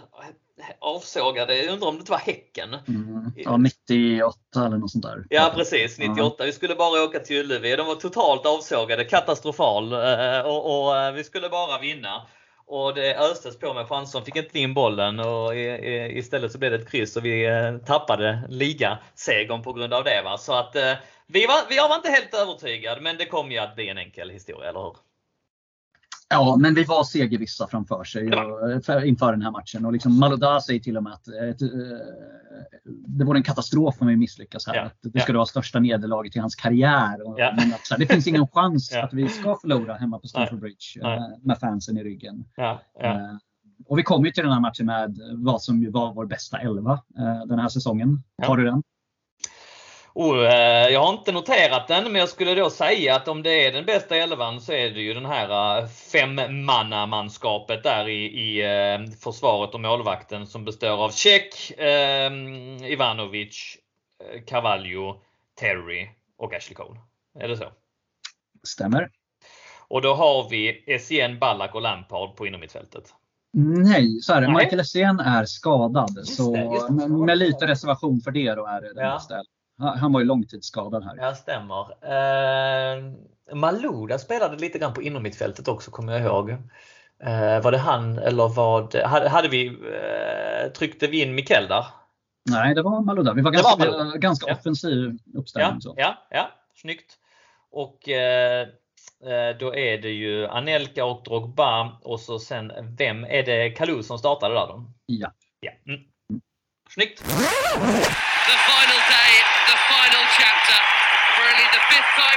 Premier League years, the last round of matches will decide who wears the crown. Champagne's on ice in Manchester just in case. It's on ice here in London too. Stamford Bridge is already fizzing and bubbling. Double chasing Chelsea host beach-bound Wigan. On paper, yes, it's a formality, but very little this season has been straightforward, even if today's mathematics are To be champions again, the Blues must match, or of course better, Man United's result against Stoke. But nobody here wants to be relying on events elsewhere. It's really rather simple. Win the game, lift the trophy. Good afternoon. Och eh, man hade egentligen två mål. Chelsea ville vinna ligan, men Drogba ville vinna skytteligan, eller hur? För han stod på samma mål som Wayne Rooney inför den här sista omgången. Ja men precis, båda hade gjort 26 Premier League-mål och lite så jagat varandra. Det hade Ja. också varit liksom en följetong utöver Ja. den vanliga tabellen Ja. under säsongen. Så det, det var absolut en krydda in i den här matchen. Ja. Eh, vilket eh, skulle visa sig. Eh, så. Eh, men det är inte Drogba som eh, utmärker sig först utan det är ju Anelka eh, som Mm. ger eh, Chelsea en eh, ganska tidig 1-0-ledning. Vollin där ja, trycker in den. Sen får ju Chelsea en straff och ett rött kort på Wigan-spelaren. Jag kommer inte ihåg vem det var, men då ska ju inte. Då är det nästan så vi kunde korkat upp champagnen. Det gjorde vi inte. Vi väntade till 4-0 jag och farsan, kommer jag ihåg. Då var vi säkra. Mm. Ja. Eh, precis, det är Lampard som sätter 2-0 där. Ja. vi har 2-0 i paus. Lite konflikt där också för Drogba ville ta den. Minns du det? Precis, ja, men, exakt det var ju Ja. det. Drogba surade lite för att han ville Ja. boosta sig själv i kampen om skytteligatitel. Precis. Men Lampard var ju ordinarie straffskytt och liksom eh, vid ställningen 1-0 är ju ingenting klart. Eh, då kan man ju inte, ska man ju inte hålla på och ge bort straffar för sakens skull eller för att ge någon det. möjlighet och sådär. Utan det är ju helt rätt tycker jag att Lampard Ja, ja. tar, tar den. Mm. Eh, men här håller jag med, här kändes det klart i paus. Jag minns jag själv stod eh, under läktaren på Shed Upper och eh, sjöng We're gonna win the League eh, tillsammans med många andra glada eh, Mm. vid den tidpunkten. För att just, ja, men, som du säger, mot 10 man också. Då. Mm. då ska vi inte kunna tappa det. Eh, och andra halvlek är ju bara en enda lång defilering Ja. in i mål. Det är ju eh, fullständig pulverisering och eh, där vid 4-0 så eh, har alla gjort mål utan Drogba kändes det som. Men han gör någon form av cykelspark där på ett inlägg. Åh, det kunde blivit så snyggt det målet. Men så fortsätter han sitt eget anfall och rotar sig in i boxen och så får han nickat in eh, 5-0 målet. Sen slutar det ju med att han gör en hattrick också. Så att han kommer Precis. just på smått osannolika 29 mål på hela den här säsongen va? Blev det till slut. Ja. Precis, han får ju slå en straff när eh, vi får en straff senare i matchen då vid ställningen 5-0. Ja, men då, Ja. då kan vi börja ge bort straffar till, Precis. till Ja. den som vill ha det. Eh, Ja. så. Eh, och han stöter in 7-0 från nära håll också. Ja. Eh, Ja. Och då har vi gjort sju mål för fjärde gången den här säsongen. Ja. Eh, Något vi inte hade gjort på liksom, eh, 12 år tidigare. Då. Och det är inte slut där utan det avslutas ju på stopptid med att en av säsongens bästa spelare ändå, Ashley Cole, får sätta 8-0 Just det. med ett snyggt volleyskott. Letty, look at the options he's got. Cole. Just can't get Hendrik Thomas. Well, he has. And back in. Oh, surely not. Oh, my goodness, it's Ashley Cole again. And it's eight. Ashley Cole. Another belter from him. He's got four for the season. That's only half as much as Chelsea have scored today. The biggest ever win in the top flight for Chelsea Football Club. Bara lägga till där också, Drogba gör alltså 29 mål i ligan den här säsongen. En straff. Jäklar vad vi saknar en sån målskytt i dagens Chelsea. Du. Nej, det är smått osannolikt eh, facit faktiskt. Ja, och jag tror han startar 32 matcher eller så, så att liksom det är Mm. ju eh, nästan ett eh, spelmål per Ja. start. Ja. eh, Så. Vilket och många av dem är ju viktiga. Han gör ju mål mot alla Big Four-lagen då. Ja. Dessutom. Mm. Ja, häftigt och ligan är säkrad. Det är första ligatiteln då på, eh, efter att eh, United har haft dominans i tre år och eh, den smakade förträffligt, måste man ändå säga. Men mycket fina rekord noterades här också. Det blev ju Chelseas målrikaste säsong, ett rekord som stod sig fram till för något år sedan när City gjorde något mål mer. Men det, vad var det, 103 mål tror jag gjorde en notering om va? Mm, det Ja. stämmer. Och det var ju knappt varit i närheten varken innan eller efter. Så det Nej. var ju verkligen unikt med alla de här Eh, storsegrarna som vi radade upp här. Mm, mm. Ja, nej, häftigt. Lite fler milstolpar att nämna är väl att eh, vi även då eh, vann i alla matcher mot de här Big Four-lagen som vi nämnde tidigare. Drogba vann som sagt skytteligan. Tre då mål före Rooney som inte gjorde något mål i sista omgången. Och Lampard han gjorde 22 ligamål från mittfältet. Men här är det lite så här, åh han gjorde ofta över 20 mål. Det är 10 straffar, det kanske vi ska... Men ändå, ändå, det är helt sjukt att göra 22 mål alltså. Det är, han är ju uppe där och han, eh, ja, också en, en mycket bra eh, säsong av, av Lampard, helt klart. Terry rörd såklart efter eh, ligan och ger någon kommentar där om att nej, nu får de titta på oss United här efter att vi faktiskt har tittat på dem. Det är en sån eh, intervju man minns också, eller hur? Mm, ja men verkligen. Och, eh, ja, men så var det ju. att Det var ju det som var det härligaste. Att, ja, men nu fick vi trycka tillbaka United. Eh, nu fick vi ta över tronen. Eh, Mm, mm. eh, Så var det ju. Det var ju det som hade slått om det eh, åren innan. Och nu fick vi dra längsta strået och vi gjorde det på ett, ja, men liksom, ett så formidabelt sätt i slutet av säsongen. Vi slog dem borta. Vi hade alla de här storsegrarna. Vi tog den här viktiga segern mot Liverpool i näst sista omgången. Vi tar 8-0 när vi säkrar ligatiteln. Alltså, eh, vi gjorde det på ett storstilat sätt verkligen. Nej, det var eh, mycket övertygande faktiskt. Och eh, Mm. Man väckte ju frågan vad- om det här laget var bättre än liksom 05-laget, 06-laget och så vidare. Men ja, det kan man ju vrida och vända på lite grann. Men eh, ett, ett bra lag. Eh, vi hade lite flyt också, lite medvind. Klarade att komma iväg med eh, viktiga resultat i viktiga matcher. Men det måste man ju ha om man ska gå en hel säsong. Och en, en, en liga som avgjordes i sista omgången. Det är jävligt kul när det händer och när man är på rätt sida av det då såklart alltså. Ja, nej men så är det. Vi hade ju bra, det var ju ganska skönt att gå in i sista omgången och veta att vi behöver en hemmaseger mot ett eh, bottengäng. Ja, Eh, så det. verkligen så. Mm. Nej, men, och det, var, nej, men det var riktigt fint. Jag var ju på den här matchen och eh, ja, men på ett sätt eh, bland de bättre liksom, Stamford Bridge-stämningarna jag upplevt. Det, det var ju inte riktigt det här som kan bli när det är en het pulserande match och liksom man slåss mellan hopp och förtvivlan. Men, eh, utan det var ju som sagt en, en, en långt, ett långt segertåg genom Mm. matchen bara. Mm. Och, eh, eh, ja, men, eh, det var nästan så här att det stundtals pågick så här fem, sex olika sånger på arenan. Och så här, Mm. men de körde någonting borta på Matthew Harding och West Lower var till och med uppe på fötterna och sjöng och vi på Shut Upper körde något och sådär. Eh, så, ja, men riktigt, eh, riktigt fin dag och fint firande efter och väldigt många CSS-are på plats. Vi var nog en 20-30 stycken Ja, på den här matchen också. Ja. Så det, Ja. ja, en eh, riktigt fin dag. Så. Häftigt, men eh, det här eh, skulle kunna att toppas lite grann, eller hur? Ja, precis. Eh, För vi har ju en match kvar. Men innan det så är det dags för en liten, liten quiz för dig här nu. Ja, härligt. Eh, Drogba vann ju skytteligan eh, Mm. som sagt. Eh, vid tre andra tillfällen har eh, en Chelsea-spelare som just då spelade för Chelsea då, vunnit Prem- Premier Leagues skytteliga. Och, Mm. här säger, tänker jag att du ska ta alla tre. Mm. Jag vet tror jag att du kan också. ja, Jimmy Floyd Hasselbank vann eh, skytteligan på tidigt 00-tal. Om det var 02 kanske? Ja, 0001 eh, 0001, mm. var det, men det är ändå inne Mm. på rätt spår där. Så 23 mål gjorde han. 23 mål, ja. Mm. Diego Costa vann skytteligan eh, 26. Så, eh, ja, däremot var ju han en eh, profilstark målskytt för oss den. Mm. Det, det var han ju. Men han har inte vunnit skytteligan alltså? Diego Costa då? Nej, det Okej, har inte gjort.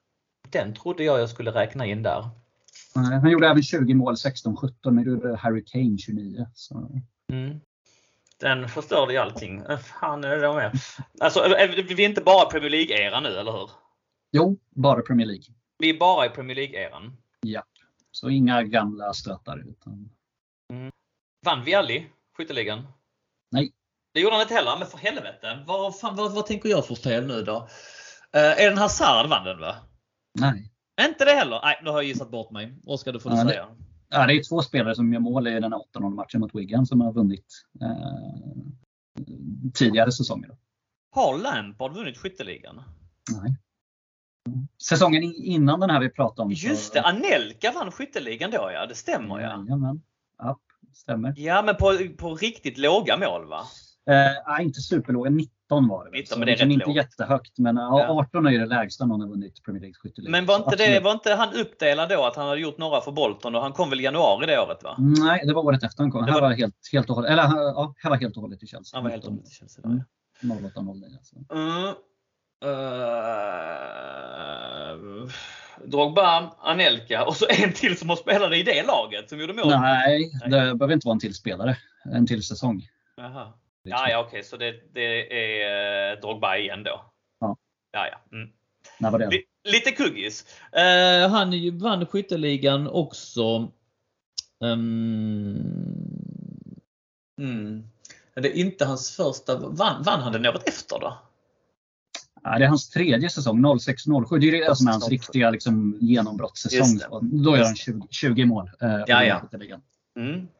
ja. Så vi hade några, vi hade där, under 00-talet då, fyra stycken eh, mm. skytteligavinnare. Men ingenting sedan dess. Ja, ja det var svår. Den var svår. Ja, den. Mm. Lite trixig. Lite cookies mm. sådär. Mm. Jag är inte nöjd med min prestation. Nej, det, det, jag, tror, jag, det jag trodde du skulle kunna. Att du, liksom, att du satt sådär. Ja, det borde jag kunna. Mm. håller jag med dig om. Mm. Mm. Ja, så är det. Can't win them all. Ja. Men vi ska förflytta oss till FA-cupfinal nu.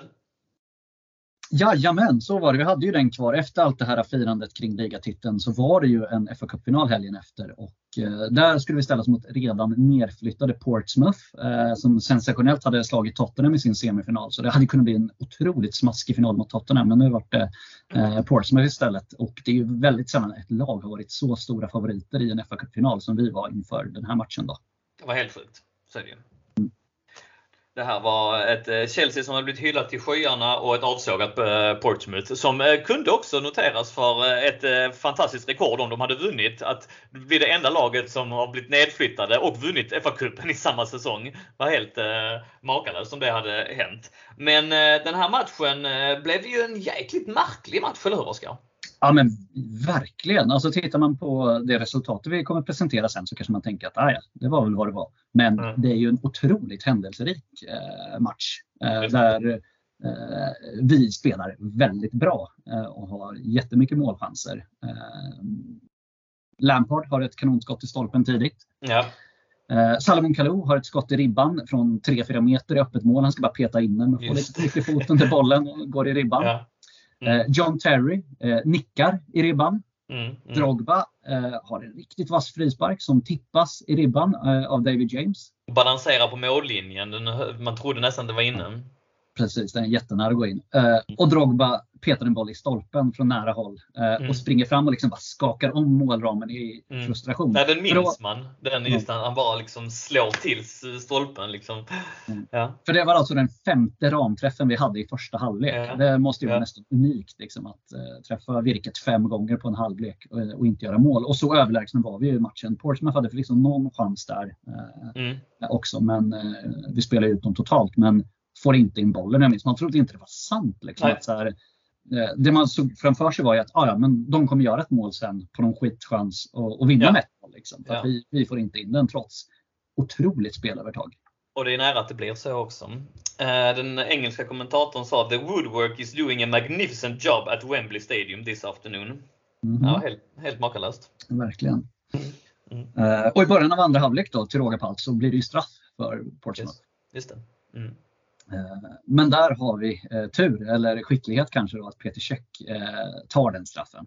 Ja, han släpar lite med benen. Det är en katastrofal felträff av Boateng, va? Kevin Prince Boateng. Ja. Som, det går nästan liksom i mitten av målet. Får han lite höjd på den kanske den går in. I och med att släpar med benen så lyckas han parera bort den. Mm. Eh, exakt. Solklar straff dock. Eh, Belletti igen klumpigt agerat. Han hade några sådana ageranden som är eh, helt eh, hjärndöda. Och det kunde kostat oss alltså. Men eh, ja, viktig räddning. Mm. Eh, verkligen. Alltså hade vi hamnat i ett 1-0 underläge där, då hade det blivit tufft. Eh, Verkligen. Mentalt liksom att mm. komma tillbaka. Eh, strax därefter blir Drogba fälld utanför straffområdet eh, och den här gången blir det äntligen stolpe in. För det är Drogba som tar frisparken. Eh, den går i stolpen då, men in den här gången. Så ja. sjätte ramträffen eh, blir faktiskt ett mål då, eh, en bit in i, i andra halvlek.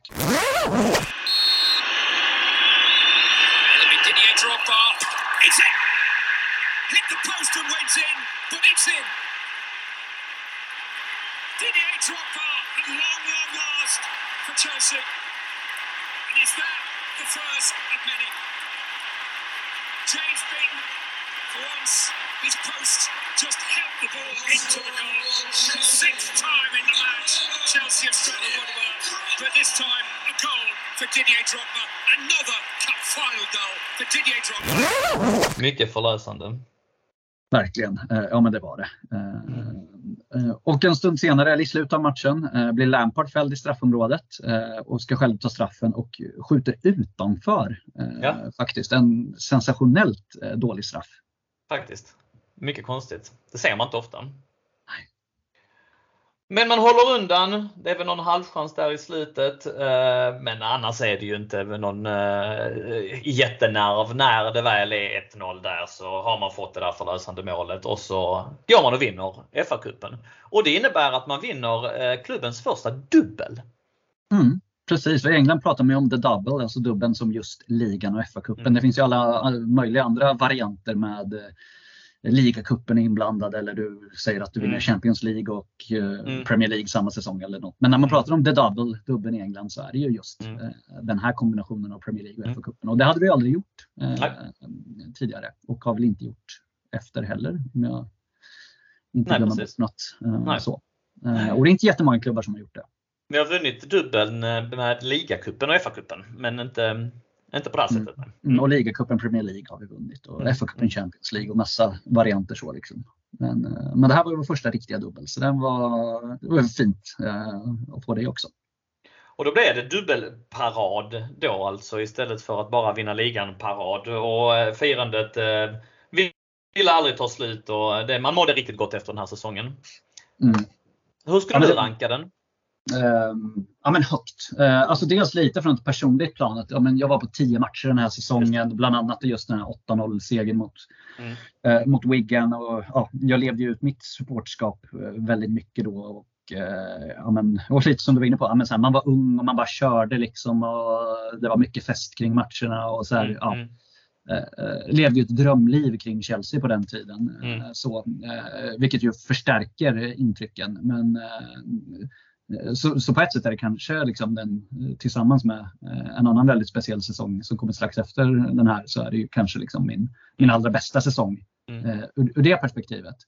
Eh, men även om man bortser från det och bara tittar liksom isolerat på laget och dess prestationer så eh, den slår ju inte första ligatiteln 04-05 ändå. Eh, det gör den inte och vi är ju inte ett bättre lag den här säsongen. Vi är väl kanske lite mer sevärda. Eh, mm. Äh, även om vi var i 04-05 också. Men vi har ju inte samma stabilitet som vi hade under Mourinho. Äh, vi släpper ju in ganska mycket mål och vi förlorar ja. ganska mycket matcher och så. Mm.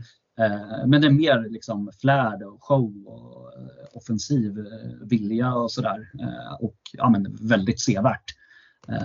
så ja, men det är väl liksom vår det är väl topp tre kanske Chelsea-säsonger.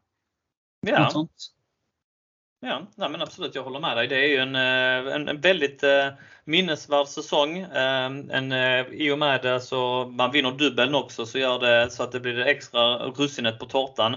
Och man kan inte ta ifrån oss att man var värda vinnare i och med att man, ja, för det första vann ligan men även att man var så dominanta mot bra motstånd.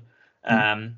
Vann som sagt alla matcher mot topp 4 vi noterades för den absolut bästa målskillnaden. 71 plusmål alltså. Det är smått fantastiskt. Som sagt, det finns ju grejer här som är värda att notera också. Att vi släppte in rätt många mål och att vi förlorade en, en del matcher. Men sett på det eh, stora hela så eh, klart värdig vinst. Vi slutar alltså med 86 poäng på 38 då spelade matcher som en säsong är. 27 vinster, 5 oavgjorda och 6 förluster. Nej, inget dåligt facit. Nej, inte alls. Eh, Eh, inte alls. 71 eh, plusmål. Det går att ställas mot då som, eh, laget som hade näst flest plusmål. Det är Manchester United som hade 58 plusmål. Så att alltså, där var man totalt dominanta. Mm.